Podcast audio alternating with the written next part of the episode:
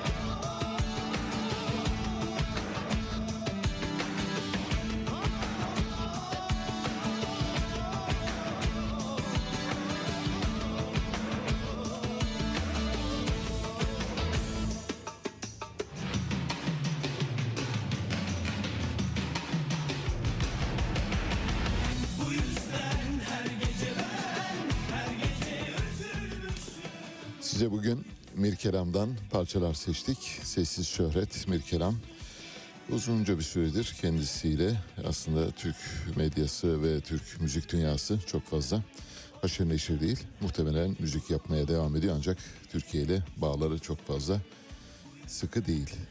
Gerçek adıyla Fergan Mirkelam. Mirkelam Urfa Birecikli önemli bir ailenin, önemli bir aşiretin üyesi. Hemen hemen aşiretin her dönemde parlamentoda bir temsilcisi var. Mutlak surette şu ya da bu partiden e, sağdan ya da soldan fark etmeden mutlaka bir partiden bir milletvekili gönderiyor parlamentoya. Güçlü bir aile, iyi bir aile ve ailenin geçmişinde de müzik var aslında. Mesela Mirkeram'ın babası Nazım Mirkeram bir avukat ve Gül Ağacı Değilem Her Gelene Eğilem şarkısının aynı zamanda bestecisi. İzmir milletvekili ve senatörlükte yapmış bir isim. Ve Nazım Mirkelam babası polisiye bilim kurgu romanları da yazan bugüne kadar filme çekilmemiş birkaç senaryosu da olan bir e, senarist aynı zamanda Karaçanta adında bir amatör soygun filmi var. Bu soygun filminde kendi aile fertlerini oynatmıştı. Mirkelam Fenerbahçe Lisesi mezunu ve Saint Joseph Lisesi'nin orkestrasında müziğe başlıyor. Yıldız Teknik Üniversitesi Kocaeli Mühendislik Fakültesi Jeofizik Mühendisliği bölümü mezunu bir jeofizikçi kendisi.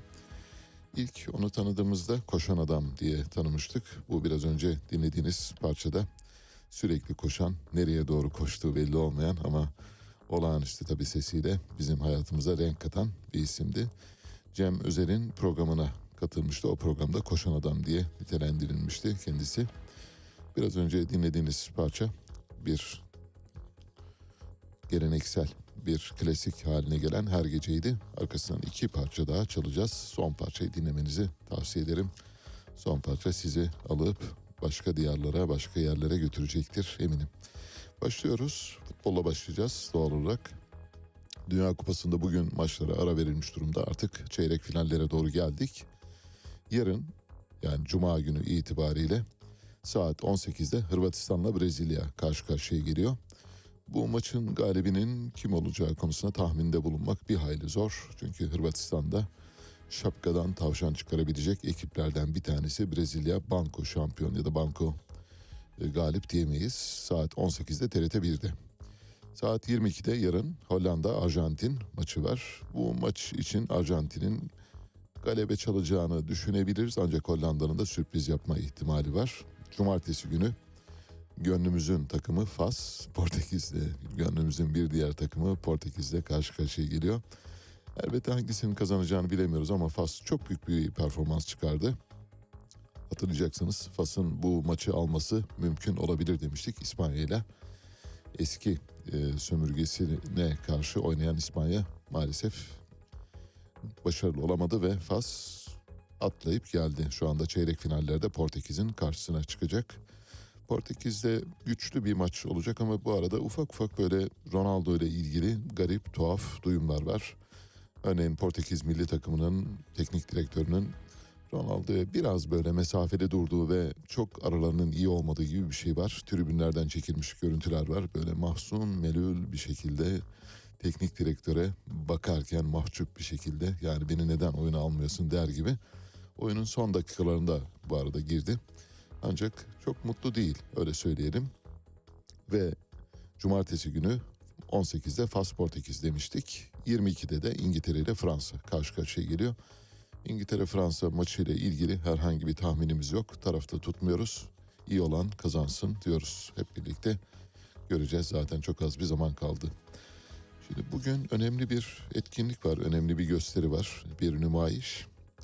8 Aralık Perşembe bugün saat 13'te işçiler Özyeğin FIBA Holding'e bağlı Polyak Madenciliğin üyeleriyle ilgili işten çıkarılan üyeleriyle ilgili direniş haklarını kullanmak üzere bugün FIBA Holding'e bağlı Polyak Madenciliğin önünde olacaklar. Ayrıca aynı işçiler Özyeğin Üniversitesi'nin önünde ve Özyeğin ailesinin malikanesinin de önünde bulunacaklar. Bağımsız Maden İşçileri Sendikası. Onlara destek vermek istiyorsanız en azından Twitter ve sosyal medya üzerinden kendilerine desteklerinizi bildirmenizi rica ediyoruz. Gidebilirseniz Hüsnü Özyeğin ailesinin malikanesinin önüne de gidebilirsiniz. Çünkü ne kadar kalabalık o kadar çok etkili sonuç demektir. Yayının sonuna doğru yine işçi hakları ile ilgili bir telefonumuz olacak. Bağımsız Maden İş Sendikası avukatı Yağız Timoçin ile konuşacağız. Ne amaçla konuşuyoruz? Türkiye'nin büyük köklü ailelerinden ve Türkiye'nin belki de gerçek tek aristokrat ailesi sayılabilecek Eczacıbaşı Holding'in de bir madencilik şirketi var. Esan Madencilik. Esan Madencilik ile ilgili işçiler bugün bir direniş sergileyecekler ve sendika avukatı, Yağız Timoçin de bize bugünkü eylemle ilgili çünkü Esan Madencilik'te bir kölelik sistemi uygulandığını ileri sürüyorlar. İşten çıkarmalar var. Koskoca Eczacıbaşı işçilerle uğraşıyorsa hakikaten ülkede aristokrasinin de artık kalmadığını söyleyebiliriz. Aristokrasinin köküne kibrit suyunu ekebiliriz bugün itibariyle. Bakalım sonucunu merak ediyoruz hep birlikte takip edeceğiz. Asgari ücret var. Asgari ücretle ilgili gelişmeleri sizinle paylaşacağız. Birazdan bir ses kaydımız olacak. Asgari ücret konusunda bildiğiniz gibi işçi kesimi adına Türk İş masaya oturuyor. Türkiye'nin en büyük işçi sendikaları konfederasyonu olması hasebiyle hükümet ve işveren kesimi de oturacak masaya. Asgari ücret tespit komisyonu ilk toplantısını yaptı. İkinci toplantıyı 14 Aralık'ta yapacak. Aşağı yukarı belli olduğu ücret yani 7800 lira civarında bir ücret olacağı tahmin ediliyor. Türk İş Başkanı Ergün Atalay, Türk İş'in Kasım ayında açıkladığı açlık sınırı bildiğiniz gibi 7785 liraydı. 7785 liranın kırmızı çizgileri olduğunu söylemişti. Şimdi 7785 liranın üzerine çıkıldı. Ne kadar çıkıldı? 15 lira. Bütün hikaye 15 liralık pazarlık üzerinden gidiyor. 15 lira. 7785'ti sonra 7790 oldu 5 lira çıktılar.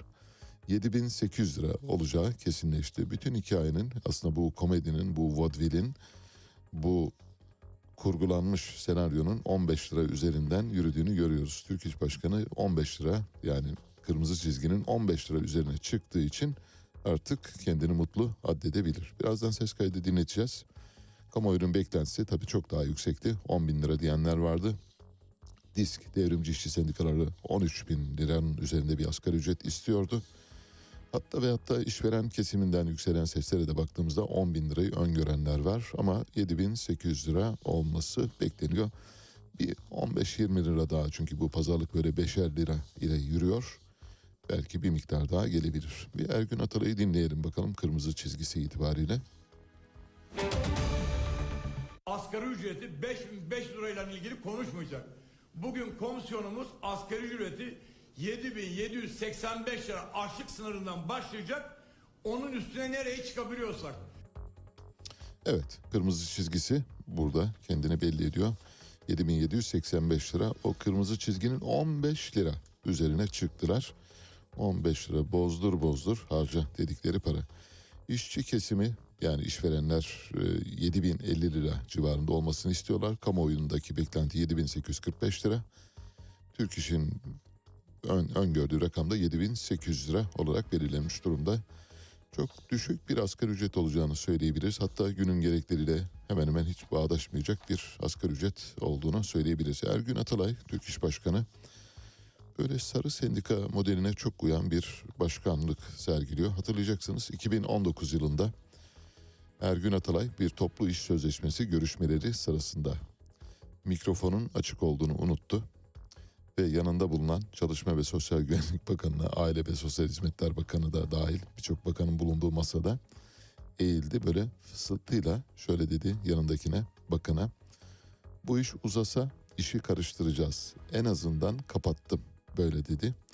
Dolayısıyla işçilerin haklarını savunmaktan vazgeçip işleri karışmadan kesmekle kendisini bir anlamda övmüştü. Yani bu duruma gelmemiş olsaydı muhtemelen işler daha karışacaktı. Bir yerde noktayı koydum dedi. Böylece Türk İş bu görüşmeden %15 zam talebiyle oturduğu masadan %8'de kalkmıştı. Türk İş Başkanı işçi lehine değil, işveren lehine hareket eden bir sendikacı görünümünde maalesef. İçişleri Bakanı Süleyman Soylu'nun günün sözü olabilecek bir sözü var.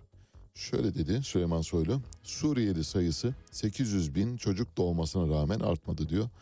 Hani bütün matematik bilgilerinizi, bütün aritmetik bilgilerinizi hepsini gözden geçirmenizi gerektiren bir şey. 800 bin çocuk doğduğuna göre ve Suriyeli sayısı artmadığına göre bu dönemde 800 bin dolayında Suriyeli ya öldü ya da ülkesine gitti demek lazım. 800 bin dolayında Suriye'nin ülkesine gitmediğini biliyoruz net. Öyle olmuş olsaydı davul zurnayla şu kadar Suriyeliyi memleketine gönderdik diye açıklamalar yapıldı. Bu olmadığına göre Suriyelileri acaba birileri çiğ çiğ yedi mi ya da ne olduğunu bilmiyoruz ama hesapta bir hesapsızlık var. Bir bakanın bir defa hakikaten bu tür şeyler yaparken, bu tür açıklamalar yaparken bunu delillendirmesi gerekiyor. 800 bin doğum tamam peki o zaman bu 800 bini sıfırlayacak olan faktör nedir onu da açıklaması lazım. Ne olduğunu bilemediğimiz için Süleyman Soylu'nun sözünü günün sözü seçmiş olduk. Çevre ve Şehircilik Bakanı aynı zamanda İklim Değişikliği Bakanlığı oldu bildiğiniz gibi Murat Kurum. Poşet fiyatlarını 2023 yılında da 25 kuruş olarak belirleyeceğiz ve herhangi bir artışa girmeyeceğiz dedi. Bu bir müjde. Poşet fiyatları bir iktidarı getirip götürebilecek kadar önemli. Ekmek ve poşet. İki şey var Türkiye'de. Ekmek, poşet, patates ve soğan. Bu dört ürünün e, fiyatını iyi tuttuğunuz zaman iktidarda kalma şansınız var. Poşet fiyatı o kadar önemli ki bildiğiniz gibi poşet zorunluluğu getirildikten sonraki ilk seçimde AK Parti'nin oylarında yüzde birlik bir kayıp olduğu ölçeklenmişti, ölçülmüştü. Bu da kamuoyuyla paylaşılmıştı. Yüzde bir. Bir poşet, 25 kuruşluk poşetten bahsediyoruz. Poşet o kadar önemli bir simge ki bütün yeniden değerleme oranları çerçevesinde yüzde 122 bütün ürünlere kamuyla olan il- ilgili olan bütün ürünlere yüzde 122 zam gelecekken yılbaşı itibariyle 1 Ocak itibariyle poşet bu fiyatlamanın dışında tutuldu. Yani yılbaşında pasaport fiyatlarına, noter fiyatlarına, trafik cezalarına, vergi cezalarına her şeye yüzde 122 zam gelirken nüfus cüzdanı gibi, kimlik kartı gibi her şeye zam gelirken poşet fiyatları sabit tutuldu. İşte bu büyük bir telaşın aslında göstergesi. Eğer büyük bir telaş olmamış olsaydı şu anda poşet fiyatları ile ilgili böyle bir tartışma yapılmazdı ve fiyat sabit kalmazdı 25 kuruştan 75 kuruşa çıkabileceği bekleniyordu. Çıkarılması bekleniyordu. Olmadı. 25 kuruşta kaldı. Bir siyasal iktidarı tutabilecek Türkiye için söylüyoruz. Bugünün koşulları için söylüyoruz. Dört tane faktör var. Bir tanesi poşet, öteki ekmek, diğeri soğan, öteki de patates. Bundan ibaret bir hayatımız var. Ne kadar sınırlı bir çerçeve içinde yaşadığımızı düşünün. Marketlerle, zincir marketlerle hükümet arasındaki atışma sürüyor. Bildiğiniz gibi bir süre önce e, BİM'in CEO'su Galip Aykaç'ın işte istifasıyla ortaya çıkan durumu epey bir tartışmıştık geçen hafta. Bunun arkasında bir mizansen, bir oyun, bir oyun planı olduğunu size bütün yönleriyle, bütün açıklığıyla anlatmaya çalışmıştık. Yani BİM, A101, Şok, Migros, Carrefour aklınıza gelebilecek bütün marketlerin aslında aynı yerden beslendikleri hemen hemen Migros ve Carrefour hariç diğer marketlerin birbiriyle ilintili kişi ve birbiriyle iltisaklı ailelerle ilgili olduğunu söylemiştik. Yani aynı ailelerin kontrolünde olan işletmelerden bahsettik. O yüzden oradaki kavgayı da bir kayıkçı kavgası olarak gördüğümüzü söylemiştik. Nitekim bugün bu kayıkçı kavgasının ne durumda olduğunu anlıyoruz. Dün Ticaret Bakanlığı şöyle bir genelge yayımladı. Bir yönetmelik değişikliği yayımladı. Yönetmelikte şöyle diyor. Perakende ticaretin etkin ve sürdürülebilir rekabet şartlarına göre yapılmasına yönelik politikaların geliştirilmesi. Kamuoyunun aydınlatılması ve tüketicinin fiyat karşılaştırması yapabilmesine imkan sağlanması amacıyla gıda perakende sektöründe hızlı tüketim mallarının satışıyla iştigal eden ve şube sayısı 200'den fazla olan zincir mağazalar satışa sundukları ürünlerle şubelerine ilişkin verileri bakanlıkça belirlenen sisteme aktarmakla yükümlüdür. Bu veriler ilgili kurum, kuruluş ve kamuoyuyla paylaşılabilir. Veri aktarımının usul ve esasları bakanlıkça belirlenen zincir mağazalara bildirilir diyor. Ne demek bu? Yönetmeliği Türkçeleştiriyoruz şu andan itibaren. Şöyle diyor.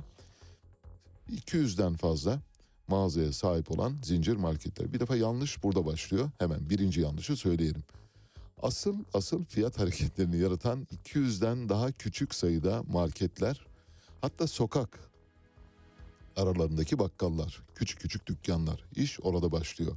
Çünkü bir sokağın içinde işte bir tane market var, küçük market ve bir zincir değil ya da küçük bir zincirin parçası.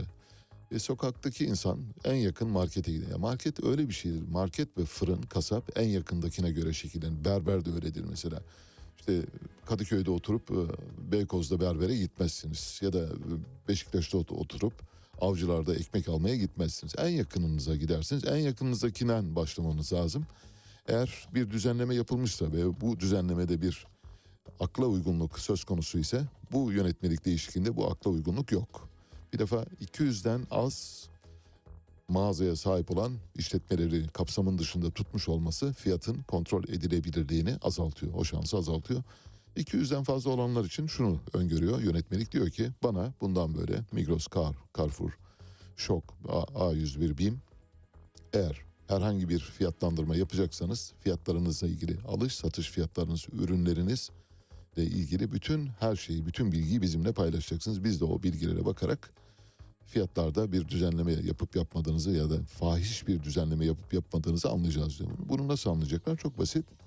Bir yapay zeka devreye girecek. Bir yapay zeka kontrolünde fiyatlar geldiği zaman örneğin diyelim ki 1 litrelik ayçiçek yağının fiyatı filan markette 150 lira, öteki markette 149 lira. Hemen orada yapay zeka alarm verecek diyecek ki filan markette Hasan Bey'in marketinde tabi Hasan Bey'den kastımız büyük e, zincirlerden bahsediyoruz. Filan markette bu ayçiçek yağı daha yüksek fiyata satılıyor buna önlem alın diyecekler. Oradan bakanlıktan bir şey gelecek, telefon gelecek. Bu ürünün fiyatını düşürün diyecekler. Fiyatların piyasada değil, bakanlık talimatlarıyla kontrol edildiği bir mekanizmadan bahsediyoruz. Yönetmeliğin amacı bu. Bundan başka bir amacı yok. Bir tweetim var. Bunu geçen hafta atmıştım. Sondan bir önceki tweetim merak edenler bakabilirler. Bu bir Kim Kardashian tweetine döndü. 762 bin kişi tarafından görüntülendi. Çok okundu. Şöyle dedim. Bim ve Şok Aytaç Et'te ortak. BİM'in büyük ortağı Latif Topbaş, Cumhurbaşkanı'nın komşusu ve ahbabı. Şok'un sahibi Murat Ülker ise Cumhurbaşkanı'nın eski işvereni ve UCZ Market'te Cumhurbaşkanı'nın aile dostu Fatih Saraç'la yani Alo Fatih'le ortak. Şok, ortağı BİM'in CEO'su Galip Aykaç'ın istifasını istiyor. Tablo net ve tuhaf dedim. Tablonun net ve tuhaf olduğunu geçen hafta yaptığımız değerlendirmede dinleyenler muhtemelen anlamışlardır. Aynı aynı yerden beslenen ekürü dedikleri at yarışlarında vardır biliyorsunuz. Aynı ahırdaki atlara, aynı ahırdan koşan jokeylere ekürü derler. Hepsi ekürü, hepsi birbiriyle haberdar. Hiçbirinin diğerinden farkı yok. Oysa fiyatları kontrol edebilmek için onlara biraz daha ya çocuklar bir biraz frene basın demeleri yeterli. Bunu yapmıyorlar ama dışarıya karşı bir kavga görüntüsü veriyorlar ve istifalar gırla gidiyor. Arkasından tehditler geliyor. Bu tehditlerden bir tanesi bildiğiniz gibi Galip Aykaç'a yönelik olarak tehditlere yenileri ekleniyor arka arkaya. Bu da bir senaryonun parçası. Onu da söyleyelim. Bu tehditler kendiliğinden değil birileri görevlendiriliyor. Siz de çıkın Galip Aykaç'la ilgili bir şey söyleyin. Zaten Galip Aykaç'ın istifa etmesi başlı başına bir skandal. Siz eğer aile dostunuz olan yani siyasi iktidara yakın olan ailelerin kurduğu marketlerin kurucularına söz geçiremiyorsanız o zaman başka bir amacınız var demektir. Çalıntı otoların şasi numaralarını değiştirmekten dolayı içeriye düşen ve Alaaddin Çakıcı'nın cezaevinde çaycısı olan Ramazan Ayan, Aybimaş marketlerin zinciri, zincirinin sahibi aynı zamanda. Buna ilişkin kendisine mikrofon uzatıldı ve mikrofon da kimlere ait biliyorsunuz Anadolu Ajansı ve TRT. Anadolu Ajansı ve TRT söz konusu tehditkar kişiye mikrofon tuttu ve o da Galip Aykaç'ı tehdit etti. Üstelik de ağza alınmayacak laflarla yani benim radyodan paylaşamayacağım laflarla. Bundan önce bir tehdit eden kişi vardı. O da kimdi? Murat Kavuncu. O da Ekmek Üreticileri Federasyonu'ydu. Bakın peş peşe gelen tehditler var. Murat Kavuncu'nun sözlerini paylaşamıyoruz radyodan. Rütük kuralları gereği paylaşamıyoruz. Keza Ramazan Aya'nın kaydını da paylaşamıyoruz. O da aynı şekilde orada da yine suç oluşturabilecek yani radyo yayıncılığı aracılığıyla paylaştığımız zaman suça iştirakle suçlanabileceğimiz ve ceza görebileceğimizi düşünerek onu da paylaşamıyoruz ama merak edenler bakabilirler. Galip Aykaç'ı tehdit edenler kervanı uzuyor. Şu ana kadar iki eski Milliyetçi Hareket Partisi camiasından Alaaddin Çakıcı'nın arkadaşı olan iki kişi tarafından tehdit edildiğini biliyor. Zaten Kürşat Yılmaz ayrıca tehdit etmişti. Bir başka mesele var. Üzerinde çok durmamız gereken ve bizi çok yaralayan bir mesele. Bildiğiniz gibi İsmail Ağa tarikatının liderlerinden Yusuf Ziya Gümüşel adında bir şeyh var. Kendisi tarikatın önemli üyelerinden bir tanesi. Önemli şeyhlerden birisi. Çok sayıda müridi var. Yusuf Ziya Gümüşel. Yusuf Ziya Gümüşel'in 6 yaşındaki kızı 29 yaşındaki bir müritle evlendirildi. Dikkatinizi çekerim. 6 yaşında bir çocuk 29 yaşında bir müritle evlendirildi. Fakat şöyle bir hülle taktiği uygulandı.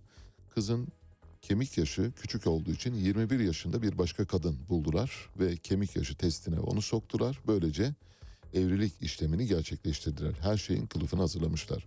Burada şunu söylemek lazım. 6 yaşındaki kızının bir erkekle evlenmesine izin veren, 6 yaşındaki kızı eş olarak kabul eden, 6 yaşındaki kızın bir erkekle evlenmesine, herhangi bir erkekle evlenmesine göz yuman herkes ahlaksızdır, ahlak yoksunudur ve bu işin suçlusudur. Buradan ilan etmiş olalım. Bunun üzerine gidilmesi lazım. Şu ana kadar bütün tarikatlar suspus. Cübbeli Ahmet Hoca her şeye maydanoz olan Cübbeli Ahmet Hoca mesela bu konuda işte eh şöyle böyle ortalama bir açıklama yapmak durumunda bile kalmadı. Hükümetten gelen bir açıklama var onu paylaşalım. Ömer Çelik dedi ki bu meseleyi araştırıyoruz. Bu meselenin üzerindeyiz. Bu ahlaki bir fenomendir. Dolayısıyla göz yumulamaz dedi. Ömer Çelik'i bu açıklamasından dolayı kutluyoruz. Umarız takibi yapılır. Sakarya Üniversitesi öğretim görevlisi Profesör Doktor Ebu Bekir Sofoğlu, İyi Parti Milletvekili Hüseyin Örse yumruk atan AK Parti Milletvekili Zafer Işık'a tebrik mesajı gönderdi. Sosyal medyası üzerinden şöyle dedi. Zafer Işık için adamın dibi.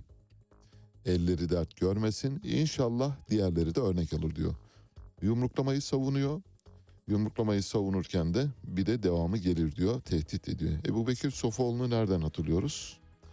Kendisi bir akademisyen, İlahiyat Fakültesi öğretim üyesi Yalova'da ve üniversite öğrenim öğrenim üniversitede öğrenim gören öğrenci yurtlarındaki kız öğrencileri kastederek buralar adeta fuhuş yuvasına dönmüştür. Üniversiteler fuhuş yuvası durumunda diyen öğretim üyesi.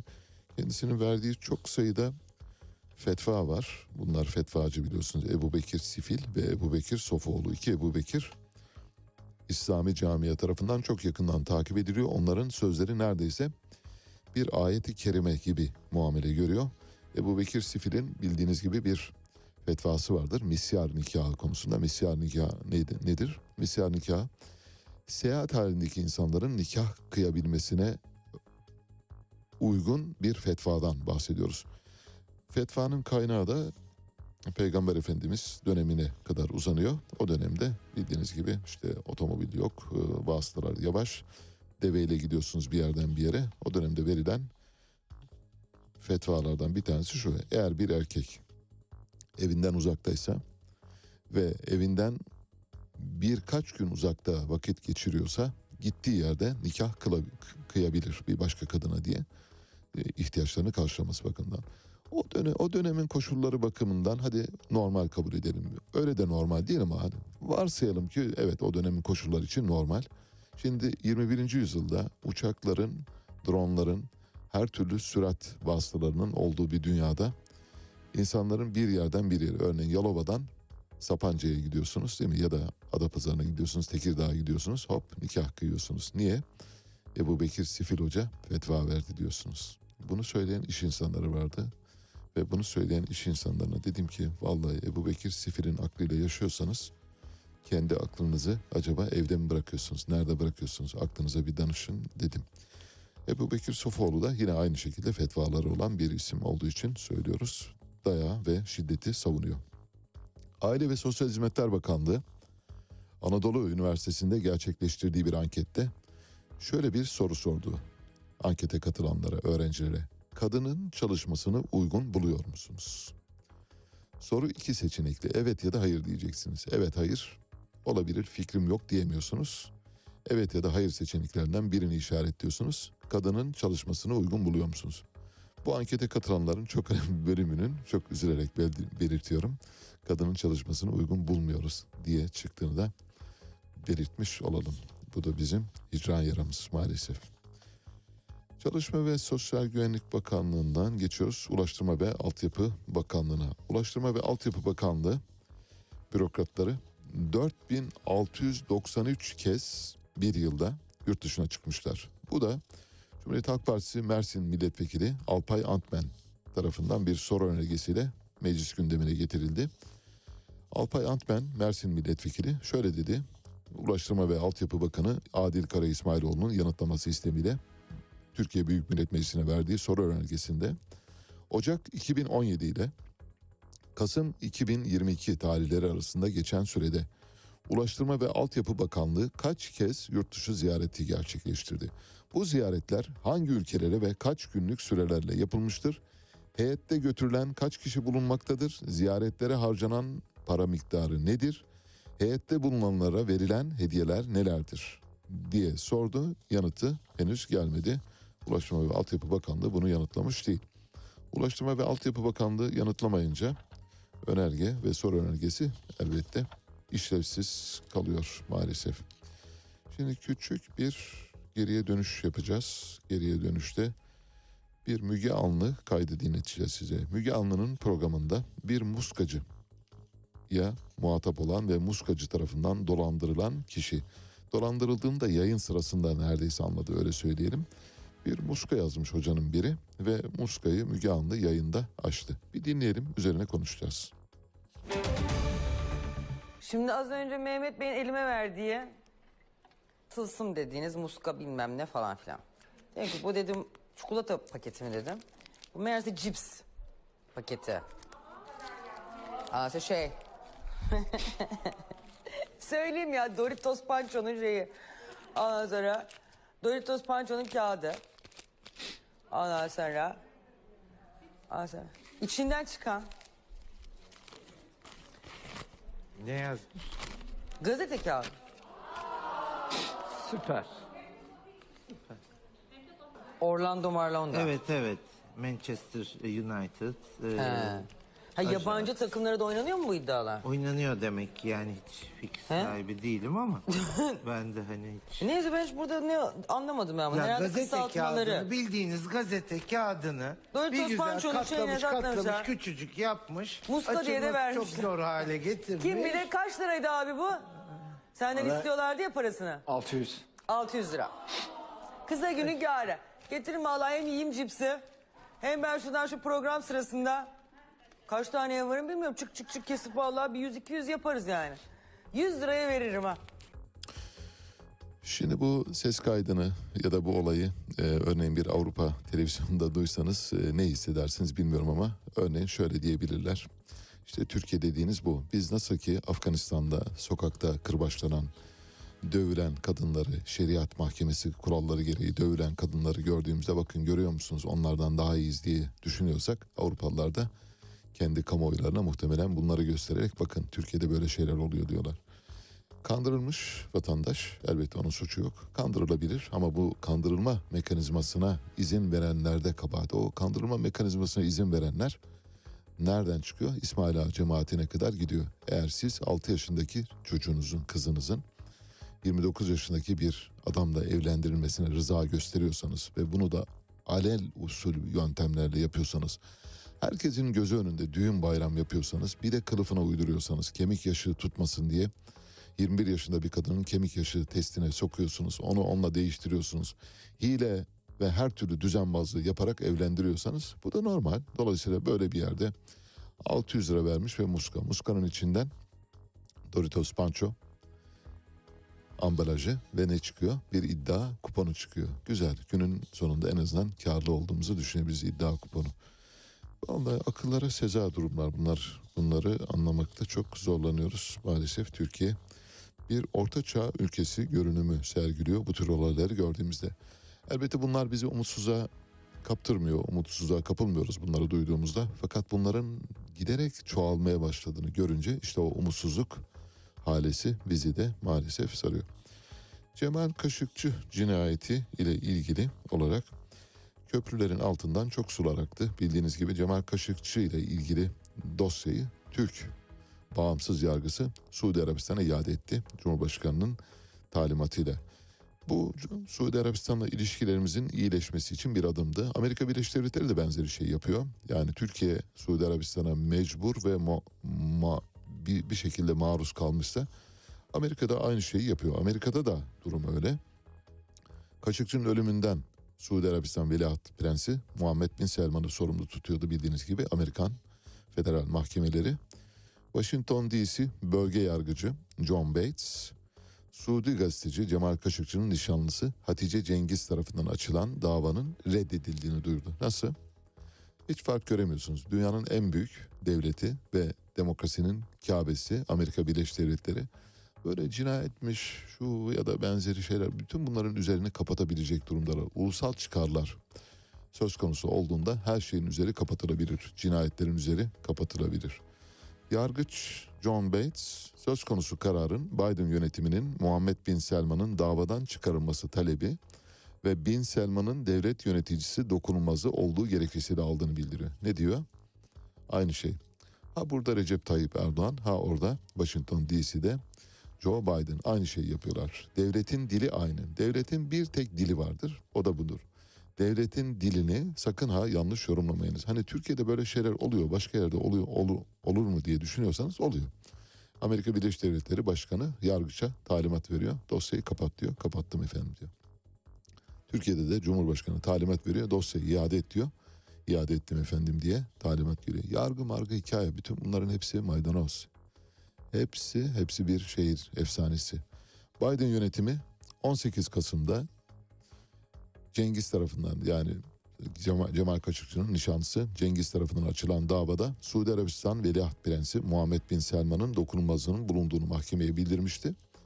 Cemal Kaşıkçı 2 Ekim 2018'de evlilik belgesi almak için gittiği İstanbul Başkonsolosluğundan çıkamamıştı ve cesedinin asit kuyusunda yakılarak hücrelerine kadar ayrıştırıldığı ortaya çıkmıştı. Cinayet bütün açıklığıyla iddianameye yansımıştı. Bir vahşi cinayetten bahsediyoruz ve zanlının ve sorumlunun da Muhammed Bin Selman olduğunu biliyoruz. Suudi Arabistan'ın bir numarası şu anda kendisi. Şimdi Muhammed Bin Selman Amerika'dan İsrail'le ilişkileri normalleştirdiniz. Ben de sizden bir talepte bulunuyorum dedi. Bu İsrail'le ilişkileri normalleştiren Amerika'nın anlaşmasına İbrahim Anlaşması diyorlar. İbrahim kim? İbrahim evvel emirde bütün semavi dinlerin babası. Hristiyanların, Musevilerin ve Müslümanların babası. Hepimiz İbrahim'i soyundan geliyoruz derler. Kutsal kitaplar öyle söylüyor. Kutsal kitaplara göre yorum yapanlar da öyle söylüyor. Bütün dinlerin babası, atası İbrahim. İbrahim'in anlaşmaları. İbrahim anlaşmaları çerçevesinde Suudi Arabistan 3 talepte bulundu Amerika'dan. Dedi ki Muhammed Bin Selman bizatihi kendisi istiyor. Diyor ki bir, resmileştirilmiş bir Amerika-Suudi ittifakı istiyoruz. Yani tıpkı bir NATO üyesi gibi bize muamele yapın diyor. Suudi Arabistan gizli bir NATO üyesi olma yolunda ilerliyor. Bu bir. iki, NATO ittifakında olmakla eş değer miktarda Amerika'dan silah tedariki istiyor. Yani Yunanistan'a ne kadar veriyorsanız ya da Türkiye'ye ne kadar vermiyorsanız gibi tartışmalara girmiyoruz. Ama işte bir İspanya'ya verilen silah kadarını biz de istiyoruz diyor. NATO ittifakında olan ülkeler kadar. 3 bomba geliyor. Küçük çaplı bir Suudi sivil nükleer enerji programını onaylayın diyor. Şimdi yeni bir nükleer devlet doğuyor. Bu da Suudi Arabistan. Suudi Arabistan'da eğer nükleer silah kavuşursa bundan sonra dünyanın nükleer dehşet dengesinin nerelere doğru gideceğini tahmin etmeniz çok mümkün değil. Bu anlaşma çerçevesinde eğer Amerika Birleşik Devletleri Muhammed Bin Selman'ın bu üç şartını onaylarsa İsrail ordusunun işgal altındaki Batı Şeria'daki Ürdün Vadisi'nin İsrail tarafından ilhakını ekarte eden ve İsrail-Filistin ihtilafının çözülmesi gerektiğinden söz eden İbrahim Anlaşmalarının hedefindeki Filistinlerle ilgili durum maydanoz. Bugün maydanozu üçüncü kez kullanıyorum ama başka kelime bulamıyorum maalesef. Hani hakikaten hakikaten bir zerzavat. Muhammed Bin Selman iki caminin mihmandarı ve iki caminin hizmetkarı. Öyle geçiyor. Suudi kralları biliyorsunuz böyle bir ünvanları var. İki caminin hizmetkarı Muhammed Bin Selman Amerika ile anlaşma yaparken ne yapmıyor? Filistinlerin haklarından söz dahi etmiyor. Nasıl? Hani nerede? Nerede Müslümanların birbirini koruması? Hani İslam'ın kuşatıcı rolü? Hani hani kutsal kitabımız? Hani aynı soydan gelişimiz? Hani Filistin'in mazlumluğu ya da Filistin mazlumları bütün bunların hepsinin sözde kaldığını görüyoruz. İsrail'le normal diplomatik ilişkileri olan 6 Arap ülkesi var şu anda bildiğiniz gibi. Ürdün, Mısır, Fas, Sudan, Bahreyn, Birleşik Arap Emirlikleri. Son 4 ülke yani Fas, Sudan, Bahreyn, Birleşik Arap Emirlikleri 2020'de İbrahim Anlaşmalarının parçası olan İsrail'le normalleştiler. Onlar kabul ettiler İbrahim anlaşmalarını. Trump yönetimi tüm çabasına rağmen Suudi kraliyet ailesini katılmaya ikna edemedi. Muhammed Bin Selman geldi adamları gelince onunla oturdular masaya. Şimdi İsrail-Suud görüşmeleri kesilmedi devam ediyor. Suudi Arabistan'ın tavrı işin resmiyete dökülmesi için Filistin sorununun çözülmesi gerektiği yönündeydi. Ne zamana kadar? Muhammed Bin Selman'a kadar. Muhammed Bin Selman gelince Atlantik dergisine bir mülakat verdi. Dedi ki İsrail'i düşman olarak görmüyoruz. Bir gün iki ülkenin dost olabileceğine inanıyoruz dedi. Evet bugün o gündür. İsrail'le artık dostluk başladı. Filistin'in hakları vallahi o- orası badem. Evet doğru kelimeyi buldum sonuçta badem. Filistin hakları artık bundan sonra konuşulmayacak bile öyle gözüküyor. Filistinler kendi göbeklerini kendileri kessinler. Türkiye zaten Filistin'i terk edeli çok oldu. Diğer İslam ülkelerinin de Filistin'in hamileliğini yapmaktan vazgeçtiklerini biliyoruz. Bir tweetim var. Onunla ilgili de bir anımsatma yapıyorum. Bu da çok okunan tweetlerden bir tanesi. IMF %1.6 faizle borç veriyor ama Türkiye'nin son dönemde uluslararası piyasalardan %8.5 ila 10 arası faizle borçlandı ortada dedik. Bir anda %1.6 ile size para veren bir kuruluş var vermeye hazır. Ama bir yanda siz bu 1.6'lık faizle kredi almaktan imtina ediyorsunuz. Gidip ne yapıyorsunuz? %8,5, 10, hatta 11, hatta 12 faize borçlanıyorsunuz. Neden bunu yapıyorsunuz? Paranız çok diye mi? Öyle demişti ya Bekir Pakdemirli, Türkiye Cumhuriyeti tarihinin en başarısız Tarım Bakanı. Paramız var alıyoruz demişti. Paramız olduğu için. Şimdi paramız var o yüzden mi yüksek faiz ödüyoruz acaba diye sormak lazım. Hayır. Öyle bir şey yok. Paramız olduğundan değil. Eğer IMF'den borç alırsak IMF harcadığımız her kuruşun hesabını soracak. Her kuruşun ve harcadığımız her kuruşun hesabı sorulacağı için de böyle kamuda külliyede, külliyenin 1150 odasında görev yapan devlet, imtiyazlı devlet memurlarına, imtiyazlı devlet adamlarına 3 maaş, 4 maaş, 10 maaş, 14 maaş, 24 maaş, 40 maaş bağlayamazsınız. Bu bir. iki. El alem Audi'ye binerken benim neyim eksik ben de Audi'ye binmek istiyorum diyen valiler olmaz. El alem şunu yapıyor ben de bunu yapsam olmaz mı diyen rektörler olmaz. İşte bütün bunlara müsamahakar davranabilmek için IMF'den düşük faize, çok düşük faize borç almak yerine gidip uluslararası tefecilere teslim oluyorsunuz ve yüzde sekiz buçuk, dokuz, on, on bir, on ikilik faizlerle para alıyorsun. Hani Nas'tı? Hani Nas vardı? Hani Nas varken bize laf düşmezdi? Bütün bunların aslında bir oyun planının parçası olduğunu anlıyorsunuz. Yani faiz ve benzeri şeylerin arka planda yatan tek şey siyasal iktidarı sürdürebilmek. Sonsuza kadar sürdürebilmekle ilgili bir irade beyanı yatıyor. Başka hiçbir şey yok arka planda. Başka bir şey aramayın.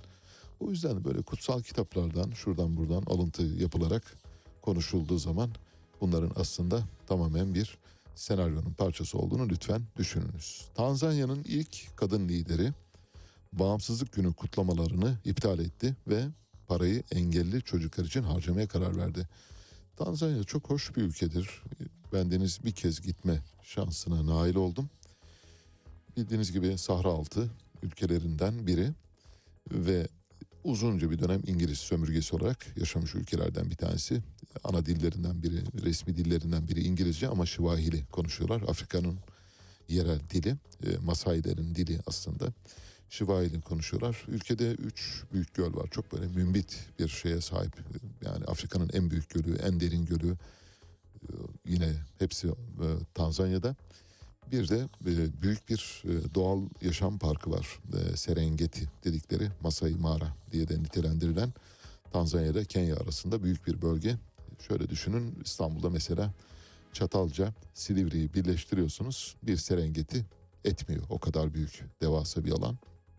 Sabahleyin balonlarla Serengeti'nin üzerinde yolculuk yaptırıyorlar. Oradaki işte Kapadokya'da nasıl balonlarla çıkarılıyorsa oradaki en büyük etkinlikte aktivitede o.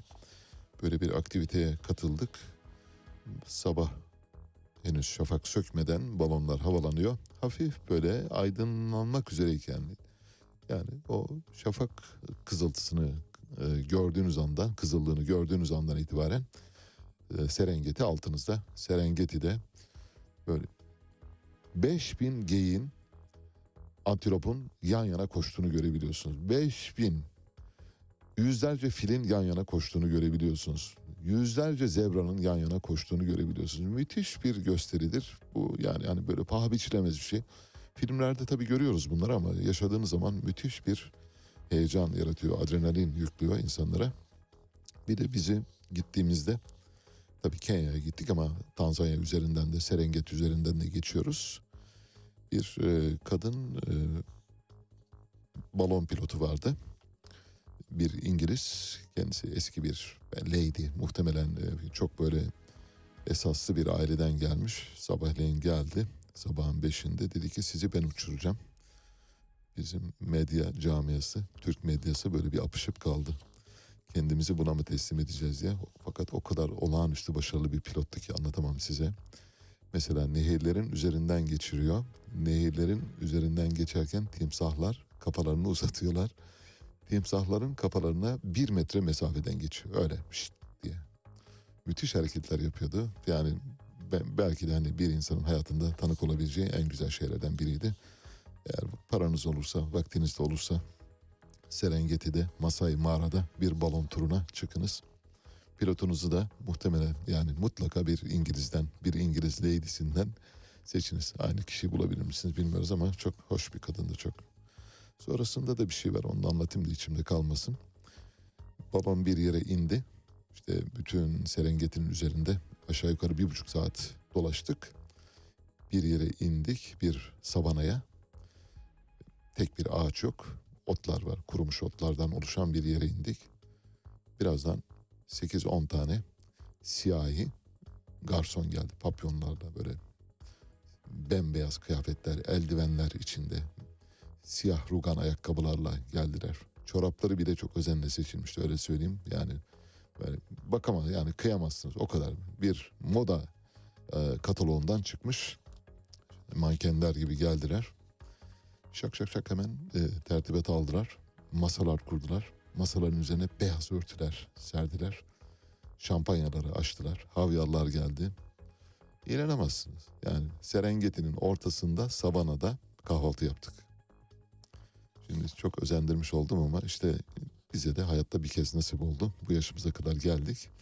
Ahir ömrümüzde böyle bir şeye tanık olduğumuz için tavsiye ederim. Eğer iyi bir turla giderseniz size bu turu yaptırabilirler. Bu arada Serengeti'deki otellere iki yıl öncesinden rezervasyon yaptırılıyor. İki yıl. İki yıldan çünkü çok az sayıda otel var. Çok az sayıda. Ee, eğer e, orada mesela biraz suistimal edici bir otorite olmuş olsaydı muhtemelen Serengeti'de binlerce otel olabilirdi. Çünkü Türkiye mesela böyle şeylerden hani son damlasına kadar sıkarak yararlanmayı bilen ülkelerden bir tanesi. Peki. Böylece sizi Serengeti'de bırakıyorum. Orada. Orada kalın. Biraz daha Serengeti'nin Masai Mağara'nın ruhuyla yaşayın diye. Habere gidiyoruz. Mehtap Yeni Doğan geliyor. Size Milkeram dinletiyoruz. Milkeram yazık günah diyor. Aman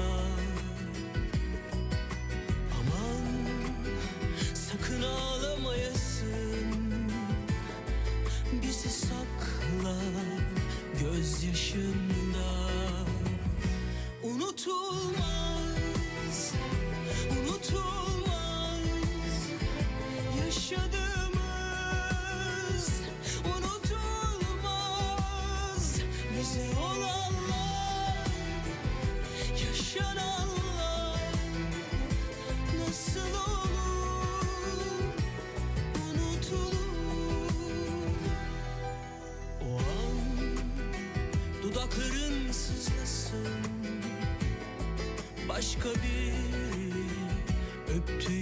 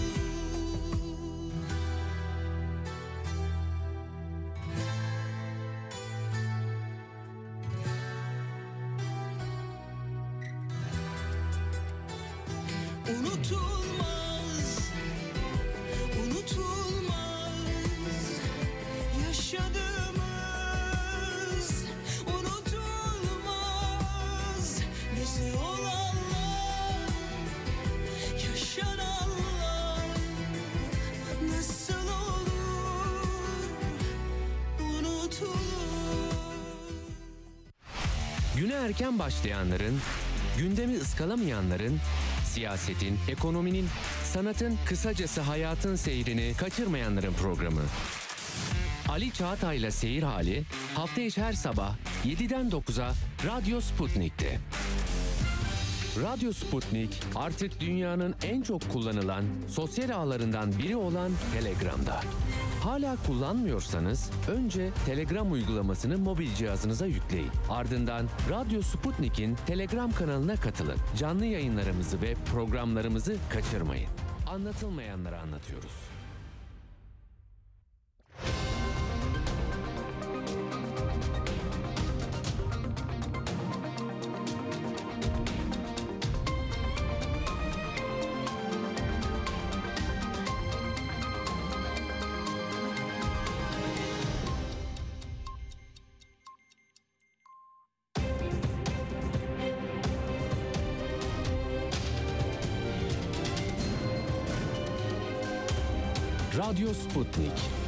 Anlatılmayanları anlatıyoruz. Saat 8 İstanbul stüdyolarından gündemden gelişmeleri aktarıyoruz. Ben Mehtap Yeni Doğan. Önce özetler. Asgari ücret tespit komisyonu 2023 yılında geçerli olacak. Asgari ücret için ilk toplantısını yaptı. Yeni yılda asgari ücret ne kadar olacak? İlk tutarlar da ortaya çıktı. Kamuoyunun beklentisi belli oldu. Bir çocuğun 6 yaşındayken cinsel istismara maruz kaldığı haberi Türkiye'nin gündeminde tepkiler arka arkaya geldi. Ayrıntılar birazdan.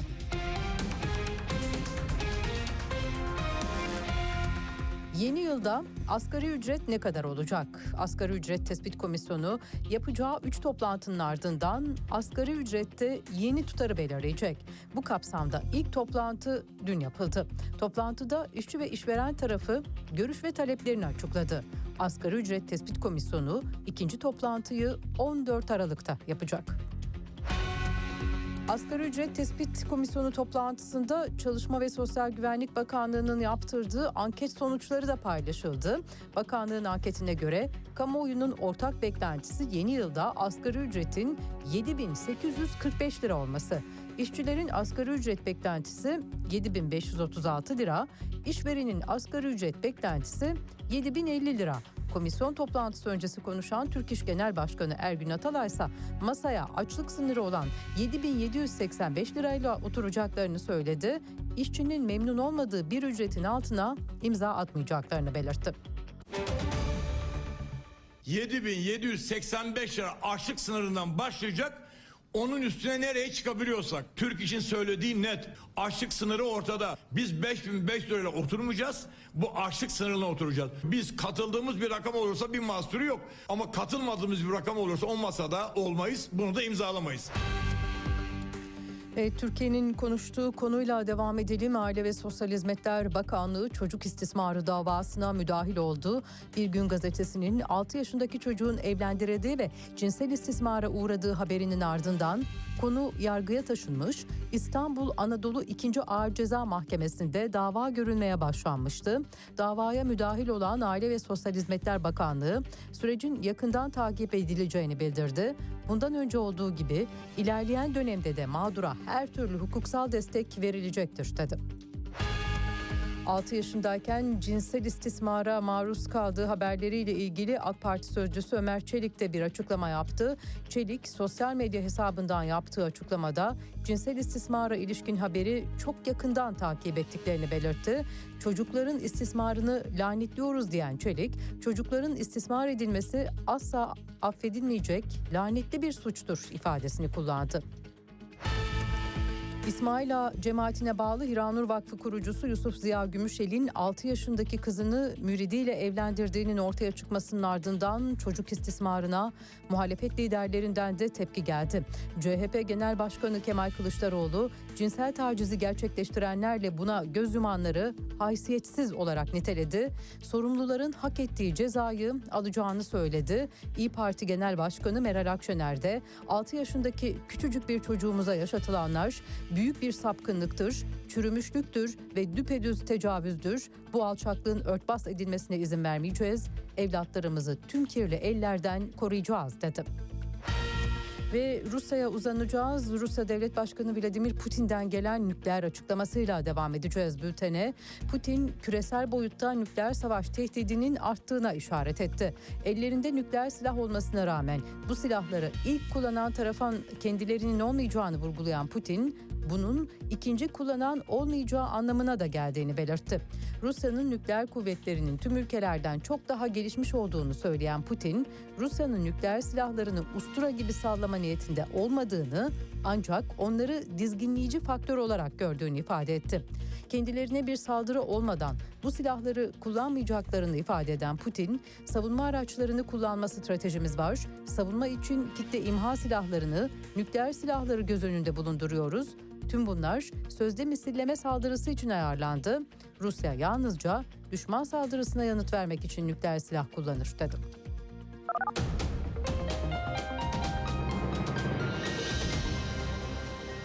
Haberleri sunduk. Gelişmelerle tekrar birlikte olacağız. Hoşçakalın. Radyo Sputnik 5 merkezden karasal yayında. İstanbul 97.8, Ankara 96.2, İzmir 91, Bursa 101.4, Kocaeli 90.2. Karasal yayınlarımızın olmadığı yerlerde tr.sputniknews.com adresinden iOS ya da Android mobil cihazınızdan Sputnik News uygulamasını indirerek dinleyebilirsiniz. Radyo Sputnik. Anlatılmayanları anlatıyoruz.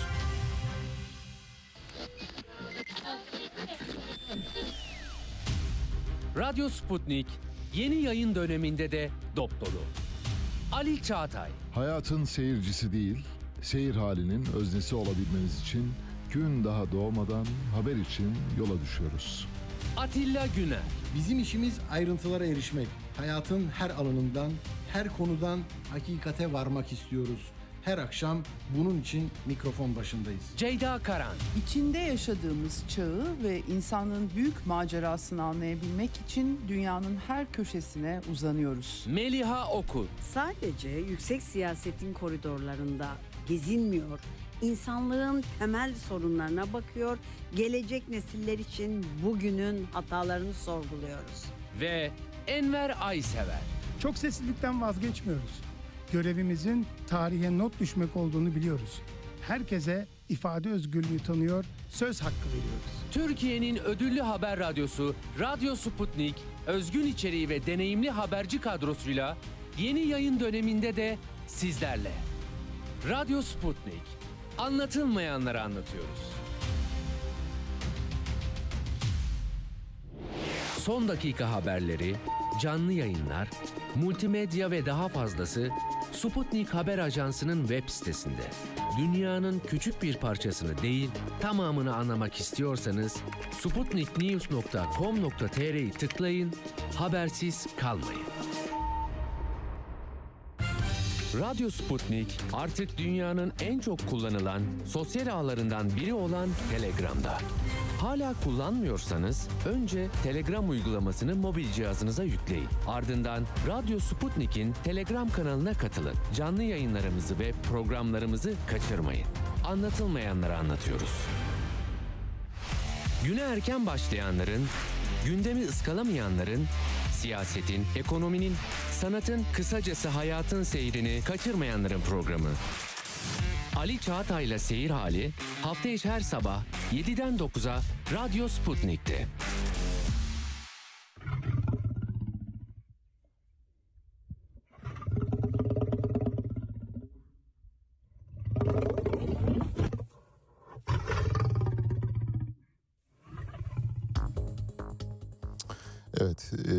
Dinlediğiniz sesin e, herhalde neye ait olduğunu ya da hangi canlıya ait olduğunu muhtemelen tahmin ettiniz. Bu bir aslan sesi.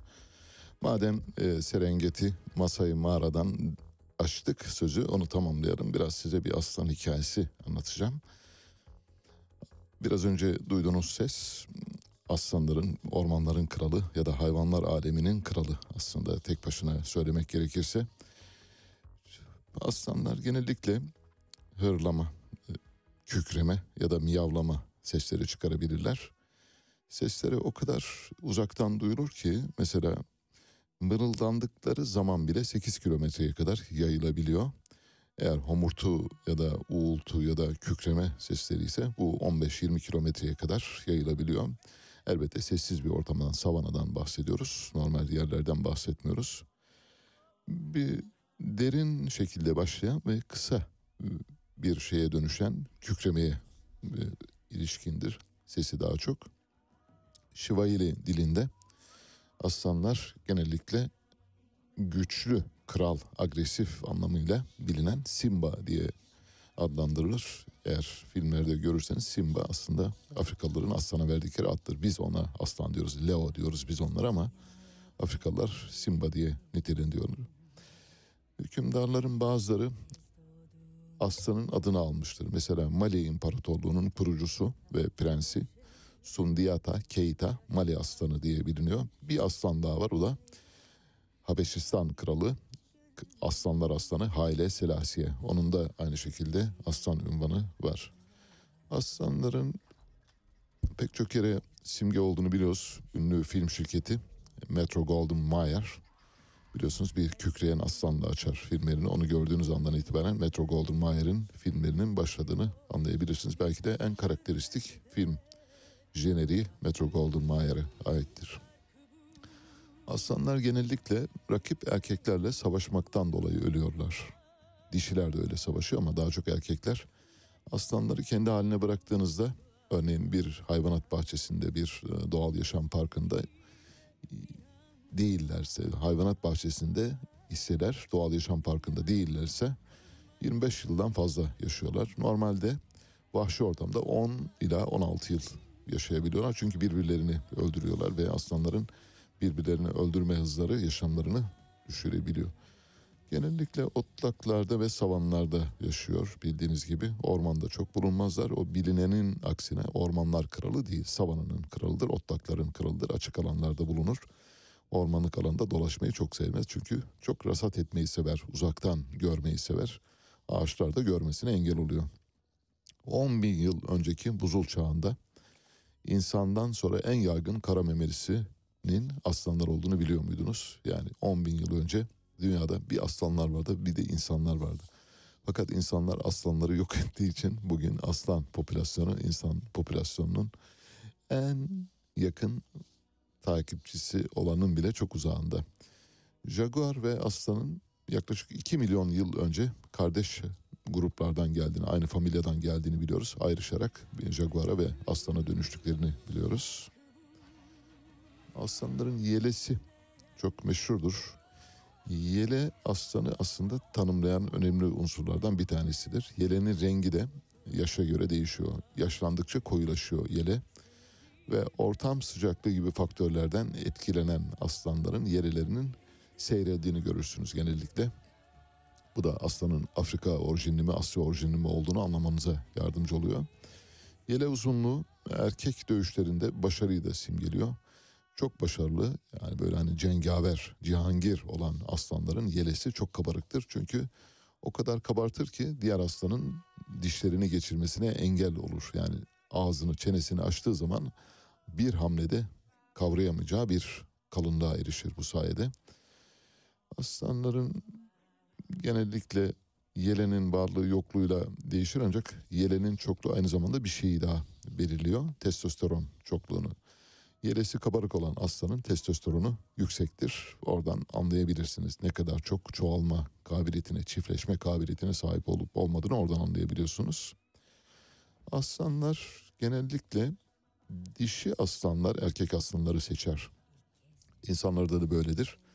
Ee, bildiğiniz gibi genellikle erkekler böylesi hikayeler uydurmayı çok severler. İşte kadınlarla olan iletişimlerinde genellikle çok abartılı ifadeler kullanırlar. Oysa doğada tıpkı aslanların dünyasında olduğu gibi hayvanların dünyasında olduğu gibi seçici olan kadınlardır. Eğer bir kadın erkek yani iki karşı cins arasında bir ilişki başladıysa orada seçici olan kadındır. Kadın karar verir. Erkekler kendilerinin seçildiğini bilmezler. Onlar kendilerinin avcı olarak kadınları avladığını düşünürler. Böyle bir şey yok. Bunu bir defa bu şeyi bitirelim, bu efsaneyi bitirelim. İnsanlardan insanlar arasındaki bu övünme hikayelerinin bir parçasıdır. Genellikle biliniz ki eğer bir kadınla birlikteyseniz o kadın tarafından seçilmişsinizdir. Yoksa siz çok büyük böyle şöhretli, büyük, yetenekli bir avcı olduğunuz için o kadınla birlikte olamazsınız. Böyle bir şey yok yani doğasına ters. Hayvanlar aleminden yola çıkarak bu sonuca varıyoruz zaten. Aslanlar çok iyi koşucu değil bu arada. Çok hızlı koşarlar ama çok uzun koşamıyorlar. Çünkü aslanın kalbi vücut ağırlığını oranı bakımından çok küçüktür. 0.57 yani kalbinin oranı vücudun kütlesine 0.57 bir bile değil yüzde birine bile tekabül etmiyor. Ee, dişi aslanlarda bu biraz daha yüksek. Dişi aslanların kalbi daha büyük erkeklere göre. Erkek aslanlar bu yüzden daha az koşarlar. Ve sırtlanlar mesela aslanlardan daha hızlı koşarlar. Çünkü sırtlanların kalbinin vücut kütlesine oranı yüzde bir civarındadır. Aslanlardan neredeyse yüzde 0.40'lık daha bir e, büyük kalp hacmine sahip. Ne kadar büyük bir kalbiniz varsa o kadar hızlı koşabiliyorsunuz kan pompalanması ile ilgili. Yetişkin bir aslanın günlük ortalama et ihtiyacı 5 kilogram. Bu İbrahim Tatlıses de bu kadar yiyor değil mi günde 5 kilo. Dolayısıyla hani aslanla şeyi kıyaslamayalım normal bir şey. Günlük 5 kilo ama tabii 15 kiloya kadar yiyenleri var, 30 kiloya kadar yiyenleri var aslanların. Masai Mağara'ya giderseniz, Serengeti'ye giderseniz eğer aslanların her türlüsünü görürsünüz. Bir de aslanlar genellikle şafakta ve grup vakti avlanırlar. Gündüzleri yatarlar. Yer ve yatarlar. Ben bunu birkaç radyo yayınında daha dile getirmiştim. Burada da yeri geldiği için tekrarlayayım. Hani diyet yapmak için diyetisyene gidersiniz ya. Diyetisyen der ki mesela bazı diyetisyenler 3 öğün yiyeceksiniz. Biri der ki hayır 5 öğün yiyeceksiniz. Biri der ki 3 öğün 6 tane ara öğün ya da 3 öğün 5 tane ara öğün neyse böylesine ya da birilerine gidersiniz tek öğün der işte oruç diyeti der şu bu falan. Peki soruyorum mesela aslan bir tane antilopu indirdi midesine bir hafta yatıyor. Hani ara öğün? Hani hani beslenme rejimi? Hani hani düzenli beslenme? Hani midenin dinlendirilmesi? Hani organizmanın rahat erdiği böyle bir şey yok. Beslenme hikayesi tamamen sizinle ilgili. Eğer iyi beslendiğinizi düşünüyorsanız, sağlıklıysanız ne kadar yediğinize dikkat ediyorsanız yani mümkün olduğu kadar az, hayatta kalacak kadar, yaşayacak kadar yemeye dikkat ederseniz hem sağlıklı olabilirsiniz hem de iyi yaşarsınız. O yüzden böyle ara öğün, e, tam öğün, altı öğün, e, üç öğün, iki öğün, bir öğün, e, oruç diyeti gibi şeylere lütfen mümkün olduğu kadar ileri yaş için söylüyoruz. Sakın çocuklar dinliyorsa onlar aldanmasınlar ya da bu yanıltıcı bir bilgi olmasın. Erişkin çağdan sonra artık insanlar büyüdükleri için mümkün olduğu kadar yaşayabilecekleri kadar yemeleri gerekir. Yaşayabileceklerinden daha fazlasını yiyenler zamanından önce maalesef yolcu olabilirler. Levent Göktaş'la ilgili bir haber var. Oraya geçiyoruz hızla. Levent Göktaş'ın bildiğiniz gibi Bulgaristan'ın Hasköy kentinde yakalandı ve orada bir cezaevinde bulunuyor. Mahkeme Bulgaristan mahkemesi savcının talebiyle kendisinin ev hapsine alınmasına karar vermişti. Fakat önceki gün istiraf Önceki gün istiraf mahkemesine bir e, itirazda bulunuldu ve Levent Göktaş'ın ev hapsi koşullarında kalmasına gerek olmadığını yani cezaevinde kalabilir ev hapsi olması gerekmiyor denildi. Ev hapsine çıktığı zaman çok tartışılmıştı nasıl olur diye. Şimdi mahkeme değiştirdi. Cezaevinde kalması gündemde. Elbette buna ilişkin bir itiraz yolu daha var. Onu da birlikte göreceğiz. Çambükü'nde, Denizli'de halk direniyor ve ekecek toprağa kalmayan kadınlar asfalta buğday serpmeye başladılar. Buna ilişkin görüntüler var. Kadınların sesleri de vardı ama çok karmaşık ve anlaşılamaz sesler olduğu için doğal ortamda çekilmiş sesler olduğu için onları size dinletmedik ama biliniz ki bir ekip biçme ile ilgili problem var ve yaşanıyor. Kadınlar şu anda sokakta asfalta buğday serpen kadınlar görüyoruz. Cumhurbaşkanı Sözcüsü İbrahim Kalın hepimiz güvende olmadan hiçbirimiz güvende olmayacağız dedi. Şahane bir söz bence çok çok beğendim. Bu böyle biraz hafif böyle Voltaire, Jean-Jacques Rousseau gibi büyük muharrirlere ait bir söz. Amerikan başkanlarından birinin de aynı şekilde bir sözü var. Şöyle diyor sanıyorum Benjamin Franklin'in sözü diyor ki bir arada durmazsanız hepiniz tek tek asılırsınız. Nasıl? Bir arada durmazsanız hepiniz tek tek asılırsınız. Örgütlü toplumdan bahsediyor aslında. Örgütlü toplumun gücünden bahsediyor. Eğer birileri asılırken, birileri dövülürken, birileri taciz edilirken, birileri çocuğunu 6 yaşında evlendirirken siz sessiz kalıyorsanız vallahi size de sıra gelir. Ne zaman gelir bilemeyiz. Her türlü badire sizi de gelir bulur eğer buna müsaade ederseniz. Şahane bir sözdür. Bir arada durmazsanız hepiniz tek tek asılırsınız. Casablanca İstanbul seferini yapan bir uçak uçaktaki yolculardan birinin doğum yapacağını söylemesi üzerine Barcelona'ya acil bir iniş yaptı dün. Ve acil iniş yapar yapmaz aprona birdenbire çok sayıda insan dağıldı. Aprondaki insanlardan 28'i uçaktan kaçtı. Birkaçı yakalandı ama birkaçının İspanya, şu anda İspanya vatandaşı, kaçak İspanya vatandaşı olarak hayatlarını sürdürmeye başladığını söyleyebiliriz. Bir kurgu olduğunu tahmin ediyoruz bu uçaktaki doğum hadisesinin. Böyle bir planlamışlar. Oraya muhtemelen çok sayıda göçmen gönderilmiş. Eğer İspanya'da inmemiş olsaydı zaten Türkiye'ye geldiklerinde Türkiye bildiğiniz gibi yol geçen hanı herkes gelebiliyor. Türkiye'de bu hayatlarına devam edeceklerdi kaçak olarak. Amerikan iş dünyasının önemli dergilerinden Forbes, Fransız iş insanı Bernard Arnault'un Elon Musk'ı geçerek dünyanın en zengin iş insanı olduğunu açıkladı. Duyurudan 20 dakika sonra Musk Arnault'dan ünvanını geri aldı. Çünkü dayanamıyor ünvansız yaşamaya. Bernard Arnault ile ilgili bir bilgi notu paylaşacağım ama şimdi değil Bernard Arnault bildiğiniz gibi Hennessy markalarının sahibi, Louis Vuitton'un sahibi, aklınıza gelebilecek pek çok önemli markanın sahibi şu anda dünyanın en zengin insanı olma yarışında Elon Musk'la çekişiyor.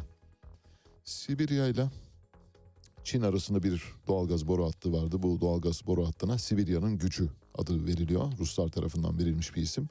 Bu boru hattı tamamlandı ve Çin'in en son ulaşması gereken noktası olan Şangay'a ulaştı. Hattın sadece Çin'deki uzunluğu 5011 111 kilometre. E, toplamda çok daha büyük bir e, yolu kat ederek geliyor. 2022 yılında 15 milyar metreküp gaz sevk etmeyi planlıyor bu hat ve 38 milyar toplam hacme 2025 yılında ulaşması bekleniyor. Bu haberin önemi şu, bu Sputnik Türkiye'nin haberi. Önemi şu, Rusya'nın gazına konulan yasak aslında hiçbir şey ifade etmiyor. Rusya şu anda geçen yıla göre Hindistan'a daha fazla petrol satıyor ve geçen yıla göre Çin'e daha fazla doğalgaz satıyor. Rusya'nın satabileceği pazarları var. Yani ürünlerini satabileceği pazarlar var. Avrupa sadece bir inat uğruna şu anda paltolarla oturuyorlar. Arada bir Türk medyasında yer alıyor. Bu haberlerin çoğu doğru. Bu arada söyleyelim. Avrupa'da, Almanya'da özellikle insanlar kışın çok zor geçebileceğini düşündükleri için doğalgaz stoklarını yani kendi binalarına, sitelerine, iş yerlerine, AVM'lerine ait doğalgaz depolarını dolduruyorlar ve şu anda kullanmıyorlar. Havaların çok soğumasını bekliyorlar, karın düşmesini bekliyorlar. Bu yüzden Avrupa kendi kendisiyle inatlaşan bir şey, e, görünüme bürünmüş durumda. Ronaldo'nun Suudi Arabistan'ın Al Nasr takımına gideceğine dair bir iddia vardı. Bu iddia yalanlandı. İddianın kaynağı bir gazeteci Piers Morgan bunu sosyal medya hesabından e, İspanyol gazetesi Marka'ya ait bu haber. Ee, Portekizli oyuncu 2,5 yıllık sözleşme için 500 milyon alacak ve 1 Ocak itibariyle El Nasır forması giyecek denilmişti. Hem Ronaldo'nun sözcüsü hem de Ronaldo'nun yakınları tarafından hayır bu doğru değil. Böyle bir durum yok denildi. Ben de zaten buna ihtimal vermiyordum. Bu arada Türkiye'den bir takıma geleceğine dair iddialar var. Onun da e, bir fiktif haber e, olduğunu söyleyelim.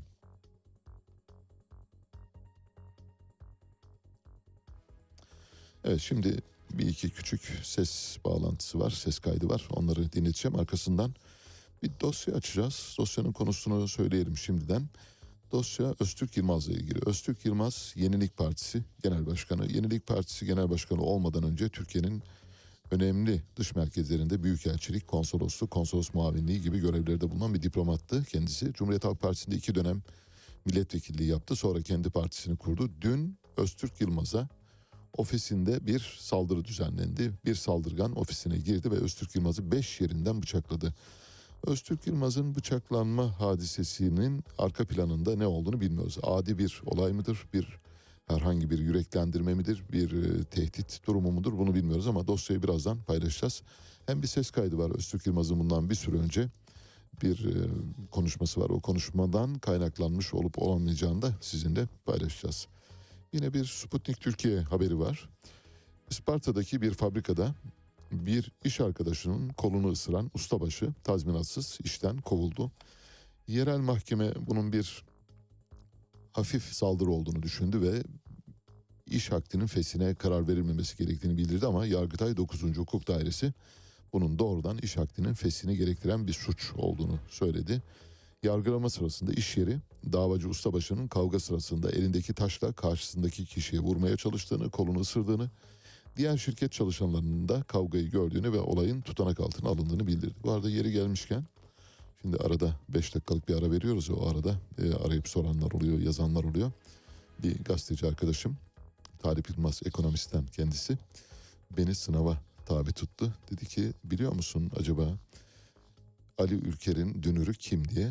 İşte biz süpermarketlerle, hipermarketlerle ilgili epey bir haber yaptık. Tabii ki bunu biliyorum dedim ama bu işe girmedim ama isterseniz hani yeri gelmişken söyleyelim. Ali Ülker'le BİM marketlerin kurucusu Latif Topbaş Dünür. Aralarında kız alışverişi var. Akrabalar ikisi birbirini suçluyor. Yani Ali Ülker'in sahibi olduğu şok market Dünür'ünün sahibi olduğu BİM marketi suçlamıştı ve BİM Market'in CEO'sunun görevden ayrılması gerektiğini söylemişti. Oyunun ne kadar bulamaç haline geldiğini anlatmak için. Belki de hani Talip Yılmaz bana bunu hatırlatarak işin bu detayına girmeme vesile oldu. iyi de oldu. İşin o kadar görünür bir yanı var ki bu oyunun ne kadar planlı, ne kadar bir senaryoya dayalı olduğunu, fiyatlarla alakası olmadığını, enflasyonla ilgili bir düşman yaratmaktan ibaret olduğunu kanıtlamak için de bu örneği verdik. Ali Ülker Dünür'ü Latif Topbaş'ın şirketini itham ediyor. İki Dünür'ün birbirini itham ettiği bir ortam var. Böyle bir şey olamaz herhalde. Elon Musk bu arada nepotizmin doruklarında geziniyor. İki tane kuzenini işe aldı. Business Insider'ın aktardığı habere göre Elon Musk amcasının oğullarından Andrew ve James'ı Twitter'da işe aldı. Andrew Musk yazılım projelerinde çalışacak. James Musk ise çeşitli konularda Elon Musk'a yardımcı oluyor. Elon Musk Twitter'dan şöyle duyurmuştu haberi bu işe alımı. Bu arada şirketin avukatı James Baker'ı da işten kovduğunu açıklamıştı. Şöyle dedi avukatı kovarken halk diyaloğu için önemli olan bilgilerin gizlenmesindeki muhtemel rolüne ilişkin endişeler nedeniyle bugün Twitter'dan çıkarıldı. Cümle karmaşık ama siz anladınız. Ya diyor ki halk yararına işler yapmıyordu ben de onu kovdum diyor. Çünkü yaramaz adamın biriydi. Gelelim Elon Musk'la Bernard Arnault arasındaki kapışmaya. Hangisi birinci hangisi ikinci e, sıralaması. Günübirlik değişiyor. Günübirlik değişmesinin altında yatan sebep şu. Elon Musk hisseleri sayesinde öne çıkabiliyor. Hisseleri değer kaybettiği zaman ikinci sıraya, üçüncü sıraya kadar gerilebiliyor. Ama hisseleriyle değil de gerçek varlıklarıyla, gerçek servetiyle öne çıkan bir zengin var. O da Bernard Arnault. Bernard Arnault bir Fransız, Fransız iş insanı. Şu an dünyanın bugün itibariyle, bu saat itibariyle, şu saat itibariyle Amerikan borsaları kapalı olduğu için söylüyorum. Şu anda dünyanın en zengin adamı konumunda. Bernard Arnault daha önce e, Inditex'in sahibi İspanyol tekstil konfeksiyon devi Inditex. Inditex'in altında biliyorsunuz Zara'dan Pull&Bear'e, Stradivarius'tan Oysho'ya, e, Massimo Dutti'ye kadar e, çok sayıda şirket var, önemli markalar var. Onların başında olan Amencio Ortega. Amencio Ortega ile yarışıyordu bundan 10 sene kadar önce. Amencio Ortega şu anda çok gerilere düştü. Dünyanın en büyük tekstil konfeksiyon devinden bahsediyoruz. O gerilerde artık adı bile anılmıyor Amencio Ortega. Kaçıncı zengin?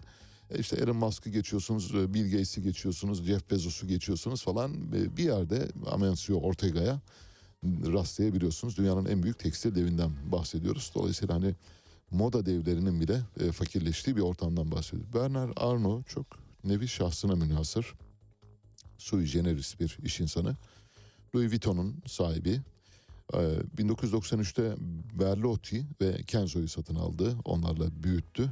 Arkasından Fransız ekonomi gazetesi La Tribune'i satın aldı. Sonra Le Tribune'i sattı. Les Echos'u aldı. Ve yine bir medya patronu olarak e, çalışıyor, hayata devam ediyor. Arkasından parfüm markası Guerlain'i satın aldı. Hemen arkasından 2001'de Fendi, Donna Karan New York'u şirketine dahil etti, büyüdü. 1999'da da Netflix'e yatırım yaptı. Netflix'in ortaklarından bir tanesi küçük ortak ama onu da söyleyelim. Süpermarket e, perakendecisi bizde de bugünlerde tartışılan Carrefour'un %10.69'una sahip. Her şeyden önemlisi Bernard Arnault, Christian Dior'un sahibi ve daha da önemlisi büyük ve önemli bir içki markası olan Hönessy'nin sahibi kendisi. Hazırsanız dosyamızı açıyoruz. Öztürk Yılmaz. Zaten süreç Osman Kavala'nın tutukluluğunun sürdürülmesi üzerine kurulmuş. Aynen. Bu tutukluluk devam etmesi için hukuka karşı verilen bir mücadele haline girmiş durumda. Merkez Bankası'nın son aylarda izlemiş olduğu para politikası doğrudan enflasyonda bu sıçramaya yol açtı. E, yani ve de, devamı da gelecek. ülkeyi aslında öyle yönetiyorlar ki adeta koca bir survivor oyunu gibi.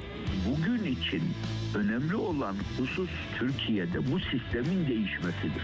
Bu sistem yani Cumhurbaşkanlığı hükümet sistemi maalesef uygulama aşamasında kağıt üzerinde durduğu gibi durmadı. Ali Çağatay'la Seyir Hali hafta içi her sabah 7 ile 9 arasında Radyo Sputnik'te. Evet, te- telefon bağlantımızı maalesef e, değiştirmek zorunda kaldık. E, Bağımsız Maden İş Sendikası avukatı Yağız Timoçin e, şu anda müsait olmadığı için katılamayacağını bildirdi bugün. Dolayısıyla onu bir başka gün yayın alacağız. Bugün bir farklı telefon bağlantısı yapacağız. Yani şu anda son dakika itibariyle bulduk. Kendisi Eczacıbaşı işçilerinden, Eczacıbaşı'nın Esan madencilikte çalışan işçilerinden Uğur Meşe.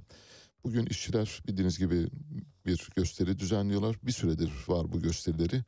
Türkiye'nin önemli iş insanlarından e, Bülent Eczacıbaşı'nın sahibi olduğu, sahipleri arasında olduğu bir madencilik şirketinde bir kölelik düzeninin kurulduğunu iddia ediyor Uğur Meşe. Uğur Bey hoş geldiniz. Hoş bulduk efendim.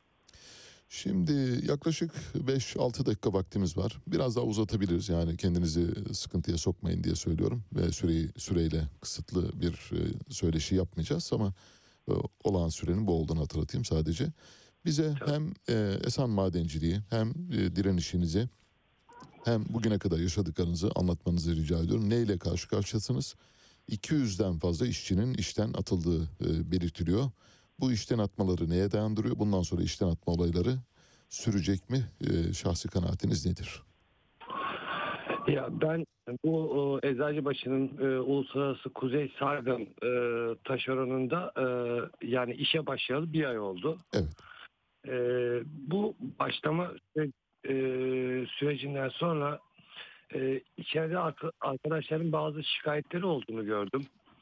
E, yani e, hakkının gerçekten haklarının yenildiğini gördüm. En azından 3 ayda bir, 6 ayda bir aldıkları ikramiyenin bile e, gereksiz sebeplerden gerek baretin baretini çıkartmış işte e, gerek kaşı kaşı yamuk yok e, e, Ha, iki tane kaşının üstünde gözüm var değil mi? Öylesi bahanelerle. Evet. gereksiz sebeplerden dolayı e, kesintiye uğra- u- u- kesintiye uğra- uğratılarak e, mesela iki buçuk milyar alacaksa bu işçi 3 ayda e, ikramiyeyi e, eline geçen ikramiye e, ikramiye 700 TL yok 600 TL bunlar çok komik rakamlar yani bir hak yenildiğini gördüm ortada bir hak yenilme var Evet. E, haksızlık var. E, sonra arkadaşlar dediler ki böyle böyle bir e, sendika olayına girelim en azından hakkımızı sendikayla arayalım. Yani bu e, taşeronun e, yani e, hakkımızı yemeye devam edeceğini, düzelmeyeceğini e, bu hakkımızı da sendikayla arayalım arkadaşlar. Gelin destek olun dediler. E, Ben de Balyalı olarak ben aynı zamanda Balyalıyım. Evet. Balıkesir Balyalıyım. Balıkesir Balya'dan. Evet. E, arkadaşlara e, desteğimi verdim yani açıkçası. E, ucunda çıkmak da olsa, atılmak da olsa desteğimi verdim. Ondan sonra tabii e, bir kişi, bir kişi derken, iki üç kişi derken, beş kişi derken biz yaklaşık olarak e, 150 kişilik bir sayıya ulaştık. 150 kişi e, sendikaya üye oldu. Evet. Tabii bizim tek hatamız biraz aramızda bunu dillendirdik. İşte aslında dillendirmeyip biraz daha devam etseydik yeterli sayıya gerçekten ulaşırdık ama tabii aramızda bunları yönetime ileten arkadaşlar da oldu. Sonra bir gün ansızın e, bir toplantı yapıldı. Tam işe girecektik 4-12 vardiyasına. Evet. E, ondan sonra bir baktık e, Hüseyin Sargın'ın yani e, Sargın taşeronun sahibinin aynı zamanda ortağının e, geldiğini bir toplantı yapmak istediğini söylediler. E, tamam toplandık bütün işçiler işe girmeden önce 8-4 vardiyasından çıkanlar da geldi. Evet. Arkadaşlar e, işte bize bir yazı ulaştı. Eczacıbaşı'ndan jeolojik yapının değiştiğini Evet. e, e, çıkan madenin e, çamurlu çıktığını, Evet. bu da Eczacıbaşı'nı zarara uğrattığını, bu yüzden de e, üretimini e, üretimini durdurduğunu, e, kusura bakmayın üretim durduğu için de 240 kişinin e, işten çıkarılacağını e, bize söyledi. Biz bir şey de diyemedik sonuçta işçisin. Ondan sonra e, 4-12 vardiyasına girdik. Tabii e, 200 300 20 tane çalışan var bizde. 320 e, yanlış yani tam bir rakam ama Önemli değil. Peki. Evet. 120 çalışan var. Tamam. Şimdi tabii haliyle acaba kim çıkacak?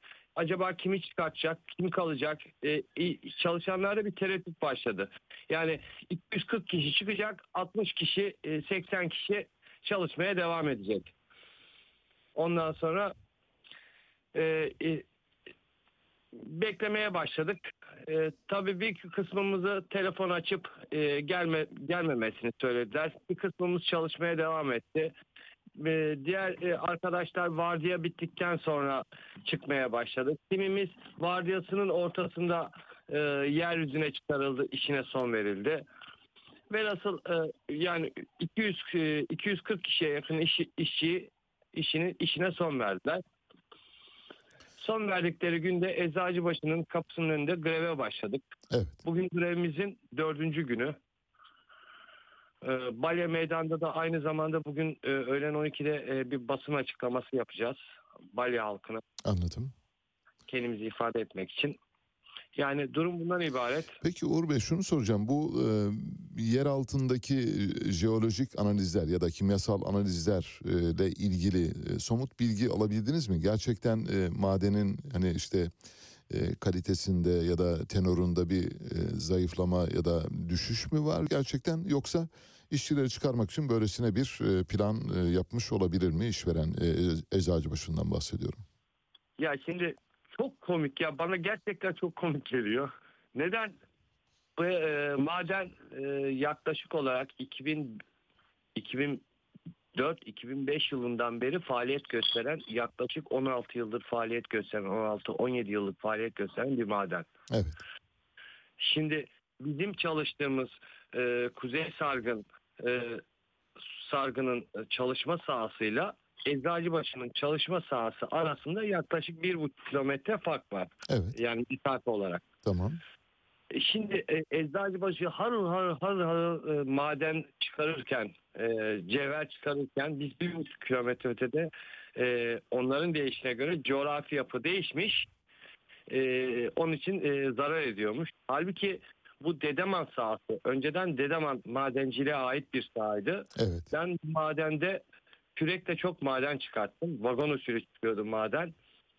Sonra Dedeman e, bir e, miras kavgası içerisine girince Eczacıbaşı'na sattı burasını. Evet. Ara, şey sahasını. Yine Eczacıbaşı e, biz vinçle çıkarıyorduk Dedeman'da e, madeni. Evet. Eczacıbaşı e, 7,5'a 5 metrelik bir baca girdi. Kamyonlarla çıkıyor, kepçelerle çıkıyor. Yani e, şimdi siz de düşünseniz bir kilometre ötede değişmeyen coğrafi yapı bir kilometre sonra değişebilir mi? Yani öyle bir mantık var mı? Çok zor. Evet. Hele bir de böyle birdenbire değişmesi zaten söz konusu olamaz. Doğru. Birdenbire değişmesi Evet. çok zor. Evet. Yani daha önceden yapılmış sondajlar var. Şi- si- Onlar zaten Eczacıbaşı zaten çıkacak madenin ne kadar olduğunu yani bu sondajlarla önce, önceden yapılan e, tetkik son, sondajlar belli zaten. Yani hangi metrede ne çıkacağını e, yıllar öncesinden biliyor zaten. E, Şimdi çıkıp da e, bu, bu- şekilde bir e, sebep uydurması e, mantık yani mantığa e, tamamen aykırı. Tamamen sendikaya karşı olduğu için. Şunu mu yapmak istiyor? Yani bir doldur boşalt e, operasyonu olabilir mi? Bunu e, bugünkü işçileri çıkarıp sonra e, bir süre sonra her şey e, normale döndüğünde yeniden işçi alarak orada faaliyeti sürdürmek mi yani. istiyor? S- Sendikasız işçilerle. Valla gerçekten ben bir şey diyeyim mi? Geçen o çıkış esnasında yemin olsun gözlerim doldu. Utanmasam bak ben 40 yaşındayım utanmasam hüngür hüngür ağlayacağım. Yani girmiş bir tane işçi 5 ay olmuş. Tabii 15-20 yıllık e, iş deyince artık 5 ayda geçince tamam demiş ya ben bu şirkette çalışırım. Yani devam da ederim. E, iki de be- beğenmiş. Ondan sonra kalkmış 100 milyar kredi çekmiş. Evet. Aylık 5 milyar geri ödemeli. 100 milyar kredi çekiyor. Evet. E şimdi 5 ay sonra e, sendikaya da üye değil. Yani şimdi o arkadaşlara da acıyorum. E, üye olanların yanında üye olmayanlar da yandı. Yani e, kurunun yanında açıkçası yaş da yandı. Doğru. Şimdi nasıl ödeyeceğim diye kara kara başladı ağlamaya e, güvenliğin kapısında. E, bir yandan onu teselli ediyoruz. Ya bir yandan bir halimize bakıyoruz. Poşetler elimizde güvenliğin kapısındayız. Bir sürü kişi içeriye beşer beşer gruplar halinde alıyorlar bizi. Aşağıda kağıt imzalatıyorlar. Biz sendikalılar çıkış kağıtlarını imzalamadık. E, imza atmadık. E, imza atanların hemen çıkışını yaptılar. E, yaptılar. E, sendikalı olanların çıkışlarını, imza atmayanın çıkışlarını ayın e, beşinde gerçekleştiler. İki gün sonra, iki buçuk gün sonra verdiler. Dün maaş günümüzdü. E, ayın yedisinde. Maaşlarımızı yatırmadılar. Sendika üye olanların maaşları yatmadı. Evet. Biraz ortalık karıştı. Bir isyan ettik. E, bu isyan sonunda bir telefon geldi. İşte maaşlarınız şu sebepten dolayı yatmıyor.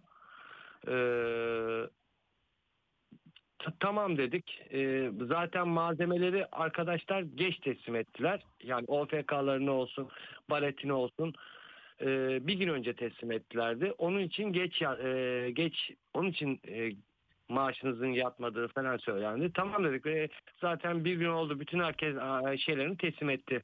Ne o malzemelerini teslim etti. İşte ayın 8'inde yatacağına dair bir söz verdiler. Sonra bir telefon geldi. Hüseyin Sargın eyleminiz boyunca giydiğiniz mo, giydi, giydiğiniz giydiğimiz montların kendisine ait olduğunu e, üzerinde yazan sargın yazısının e, kendisini rahatsız ettiğini bu montları e, geri iadesini istedi. Bir tane araç yolladı. Evet. Arkadaşımız geldi işte araçla çalışan işçilerden bir tanesi. Arkadaşlar ya kusura bakmayın dedim montlarınızı almaya geldim. Ee, bizim de e, garimize gitti soğukta. E, Ya, şimdi genç arkadaşlar e, şeyden yazın gelmiş örnek veriyorum adam hiç kışlık elbise getirmemiş. E, sadece bir buçuk yıldan beri çalışıyor. O mont artık onun hakkı. Tabii. E, Mont ona ait. Bir buçuk yıldan beri o montu giyiyor. Yani bir koca bir firma olarak Kuzey Sargın firması olarak kışın ortasında zaten e, işçiyi çıkarıyorsun. Bir de kalkıyorsun o soğukta e, üzerindeki montu istiyorsun. Yani Olacak şey değil. Evet. yani e, şimdi herhalde büyük ihtimalle bugün maaşları yatırırlar. Bu üzerimizdeki giydiğimiz montların da herhalde ücretini de keserler tahmin ediyorum. E kesinler yani Evet. yapacak bir şey yok. Biz biz sonuna kadar direneceğiz. Evet. Yani bu kölelik sistemindeki bu eczacı başı eczacı başına sendikayı eninde sonunda getireceğiz. Bu bizim en doğal hakkımız. Evet. Kutluyorum sizi Uğur Bey. Ee, Hem e, konuşmanızdan dolayı hem de konuşmadaki verdiğiniz ayrıntılardan dolayı mücadelenizi e, sürdürünüz. E, Biz de size elimizden gelen ölçüde destek vermeyi e, devam ettireceğiz. Çok teşekkürler katıldığınız için. Çok teşekkür ederim. Eczacıbaşı e, madencilik şirketi Esan Madencilik'te çalışan e, işçilerden 200'ü e, bir süre önce işten atıldı. Geri kalanların da işten atılması söz konusu. İşçilerin maaşları yatırılmadı. İşçilerin gündelik e, iş kıyafetlerinden sayılan montlarını geri almaya çalışıyorlar kış ortasında. Buna ilişkin biraz önce konuştuğumuz e, Uğur Meşe e, mücadelemizi sürdüreceğiz diyor. Biraz önceki Amerikan başkanının sözünü tekrar hatırlatalım. Birlikte durmazsanız tek tek asılırsınız diyor. Enflasyon bir armut gibi böyle olgunlaşıp daldan düşebilecek bir data değildir dedi. Şimdi fiyatlar düzeyi belli bir seviyeye kadar ulaştığında hepimizin günlük hayatında biz ne yapıyoruz? İşte bir bardak 10 lira, yarın 15 lira oluyor, bir gün 20 lira oluyor. Siz eskiden altılı bir bardak alırken üçlüye dönüyorsunuz, ikiliye dönüyorsunuz. Talep burada azaldığında belki enflasyonun belli bir noktada durması sonucu oluşabilir. Enflasyon bir armut değildir. Olgunlaşıp dalından düşmesini beklemeyiniz değil mi? Bunu bir e, motto olarak yazmak lazım. Evet yeniden birlikteyiz. Şimdi size bir ses kaydı dinleteceğiz. E, Yenilik Partisi Genel Başkanı Öztürk Yılmaz. Öztürk Yılmaz'a dün bir bıçaklı saldırı düzenlendi. Ofisinde beş yerinden bıçaklandı. Saldırganın kim olduğu bilinmiyor ancak yakalandı saldırgan. Ve arkasında ne olduğu konusunda da epey bir tevatür var. E- Epey bir e, bilinmezlik söz konusu. Şimdi Öztürk Yılmaz'ın geçmişte bir toplantıda partisinin bir toplantısında yaptığı bir konuşması var. Çok e, yakın zamanda yaptığı bir konuşma. Bu konuşmanın bu bıçaklanma hadisesiyle bağıntısı olduğunu düşünenler var. Bilmiyoruz ama önce bir dinleyelim sonra üzerinde konuşacağız. Size biraz Öztürk Yılmaz anlatacağız. Ben Musul'da devleti savunmak için kafama silah dayandığında res çektim. Ben meydana çıktığım anda AKP çökmüş olacaktır. Çökmüş olacaktır.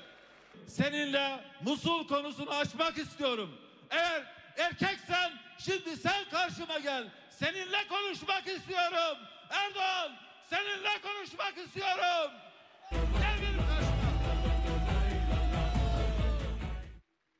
Evet. Öyle oradan öyle yandaş yandaş basıncılarını alıp kameraların önüne dizip uçaklara bindirip yedirip içirip rüşvet vererek konuşma. Erdoğan karşıma çık karşıma. Karşıma çık. Senin, senin Dışişleri Bakanın senin Dışişleri Bakanın vize satıyor. Vize ofisleri kurmuş. Senin İçişleri Bakanın uyuşturucuyla iştikal oluyor.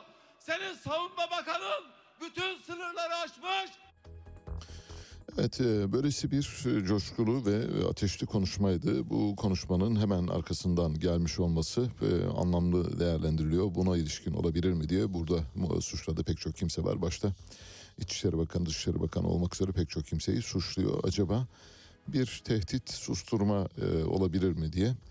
Öztürk Yılmaz'ı biz nereden hatırlıyoruz? İşit bildiğiniz gibi e, Musul Başkonsolosluğumuzu işgal etti e, savaş sırasında.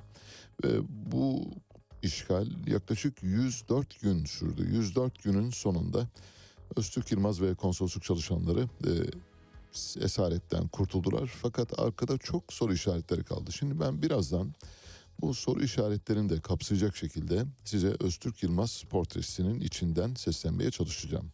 Kararı siz vereceksiniz. Yani nasıl bir hadiseyle karşı karşıya olduğumuzu anlamak bakımından. Kendisi bir diplomat. Ardahanlı, e, Balkanlarda, e, Dışişleri Bakanlığı'nın AKİT da- dairesinde, Orta Doğu dairesinde, Orta Asya ve Kafkasya dairelerinde görev yaptı. İşit'ten kurtulduktan sonra yani Musul Başkonsolosu iken esaret altına alınıp sonra kurtulduktan sonra Kırgızistan Büyükelçisi oldu. Duşanbe'ye atandı. Taltifen.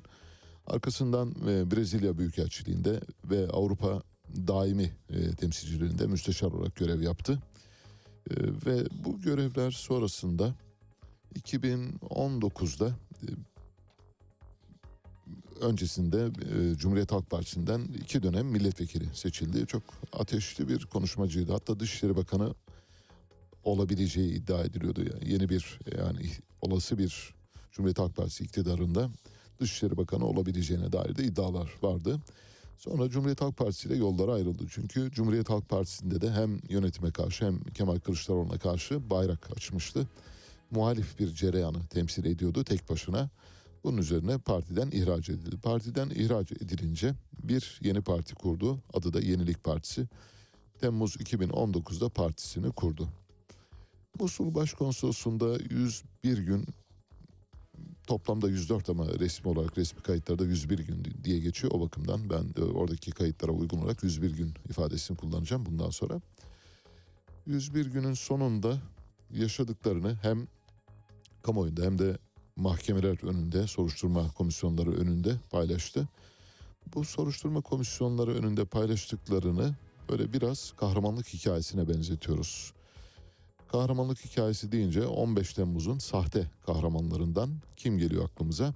Mesela Lokman Ertürk geliyor. Kahraman Kazan Belediye Başkanı. Ne demişti Kahraman Kazan Belediye Başkanı? Darbe gecesi çıktım, Tugay'a doğru yürüdüm. Tugay'ın önüne geldim, açtım bağrımı dedim ki önce beni vuracaksınız. Benim cesedimi çiğneyip öyle geçeceksiniz dedim. Bunun üzerine 400 silah aynı anda üzerime ateş açtı ve ben yılmadım dedi. Sonra Lokman Ertürk'ün aslında o gün kahraman kazandı olmadı. Alanya'da bulunduğu ortaya çıktı ve böylesi bir sahte kahraman yarattığımız anlaşıldı. 15 Temmuz'da çok sayıda sahte kahraman yaratıldı bu arada onu belirtelim. Şimdi Öztürk Yılmaz'ın hikayesi de İşit ve Musul hikayesi de biraz böyle hafif bu kokuyu sezdiğimiz bir olay örgüsüyle ilgili. Bu bakımda oradaki ifadelerinden bazı bölümleri paylaşacağım. Şöyle diyor. 11 Haziran 2014'te saat 11.30'da muavin konsolos Faruk Deniz'in bana gelip efendim sarıldık yetişin diye odamın kapısını vurmasından 30 saniye sonra koşarak 20 metre uzaklıktaki çalışma ofisime geçtim. Görevli polislere ne kadar kuvvet var etrafımızda çatışma durumumuz nedir diye sorduğunu belirtiyor. Ve kameraların önünde silahla silahların patladığı bir ortamda bu talimatı verdiğini söylüyor. Bir defa işte 20 metre 30 saniye falan gibi böyle çok ince ayrıntılar vermiş olması son derece manidar. Olayı çok iyi e, bir senaryoya bağlamak istediğini anlıyoruz buradan. Görevliler e, başkonsolosluğa girmeye çalışıyorlar. Kapıyı tekmeliyorlar ve bize bir saat süre tanıdılar deyince sakın kapıyı açmayın dedim. Zorlayan olursa vurun ve Ankara ile yapacağım görüşmeye kadar da sakın içeriye kimseyi almayın dedim.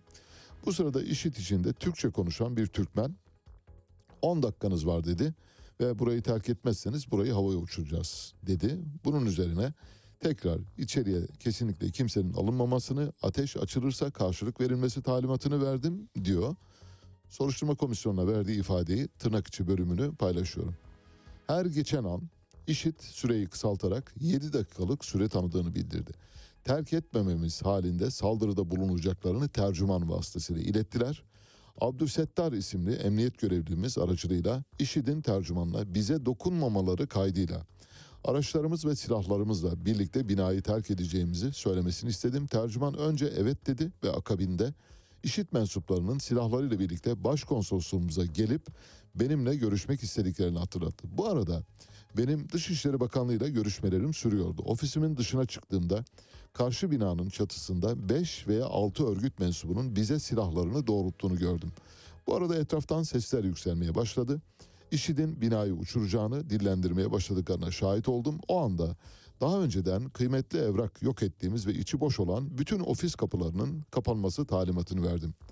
Bakanlığımız herhangi bir çatışma yaşanmamasını silahların teslim edilmesi talimatını verdi. Bu arada Abdüsettar aracılığıyla bütün personelin araç ve silahlarla binayı terk edeceğimizi iletmesini, bütün sivil personeli araçlara binmesini istedim.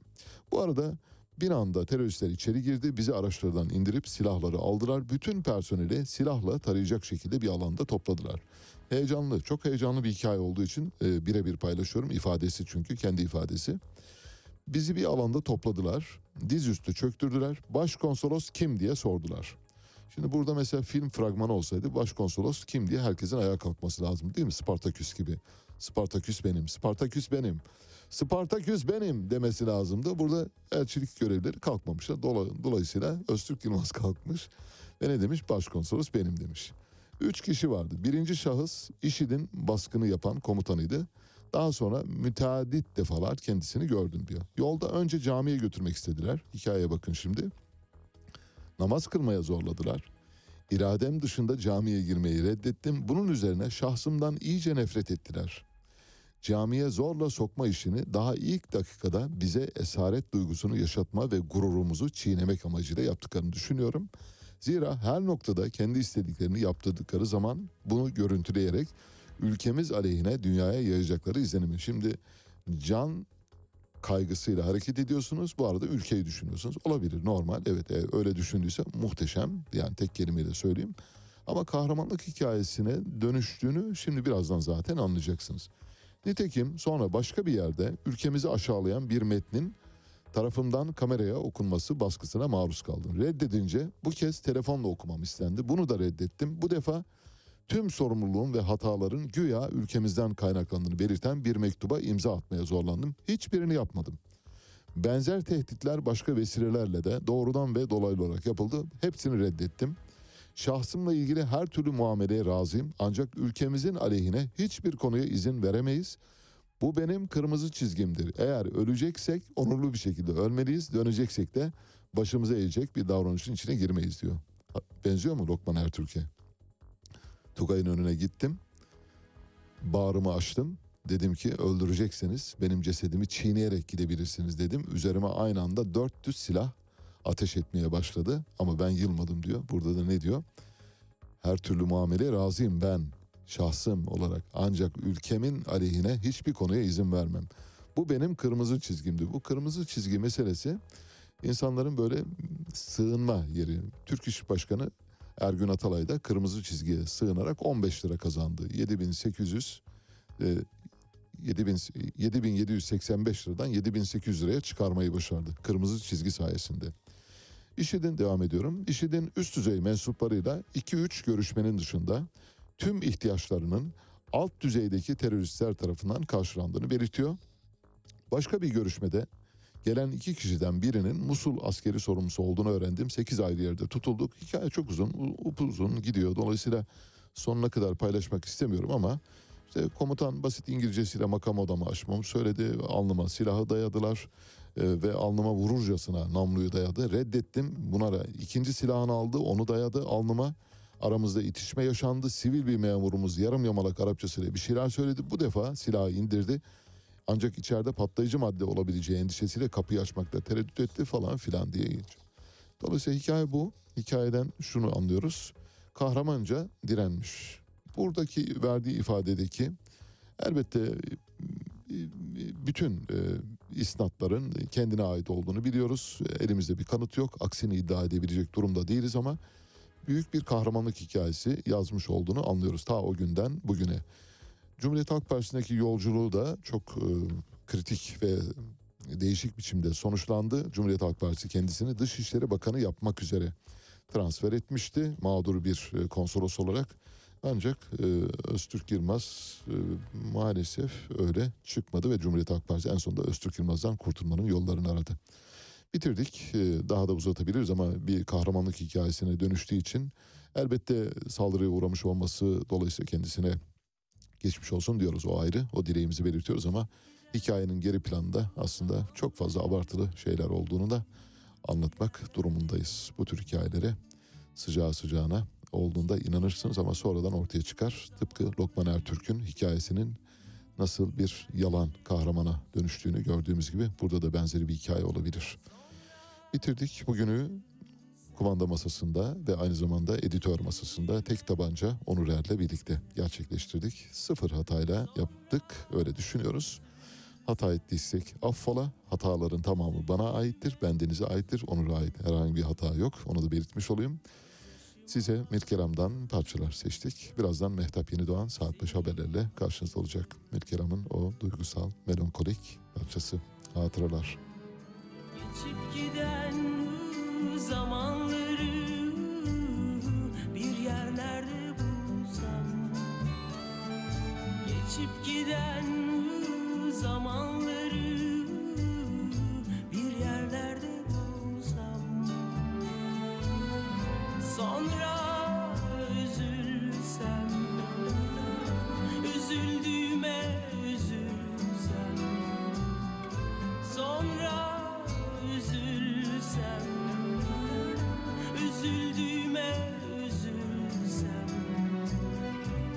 Gözyaşıma dalıp dalıp Seni hatırlarım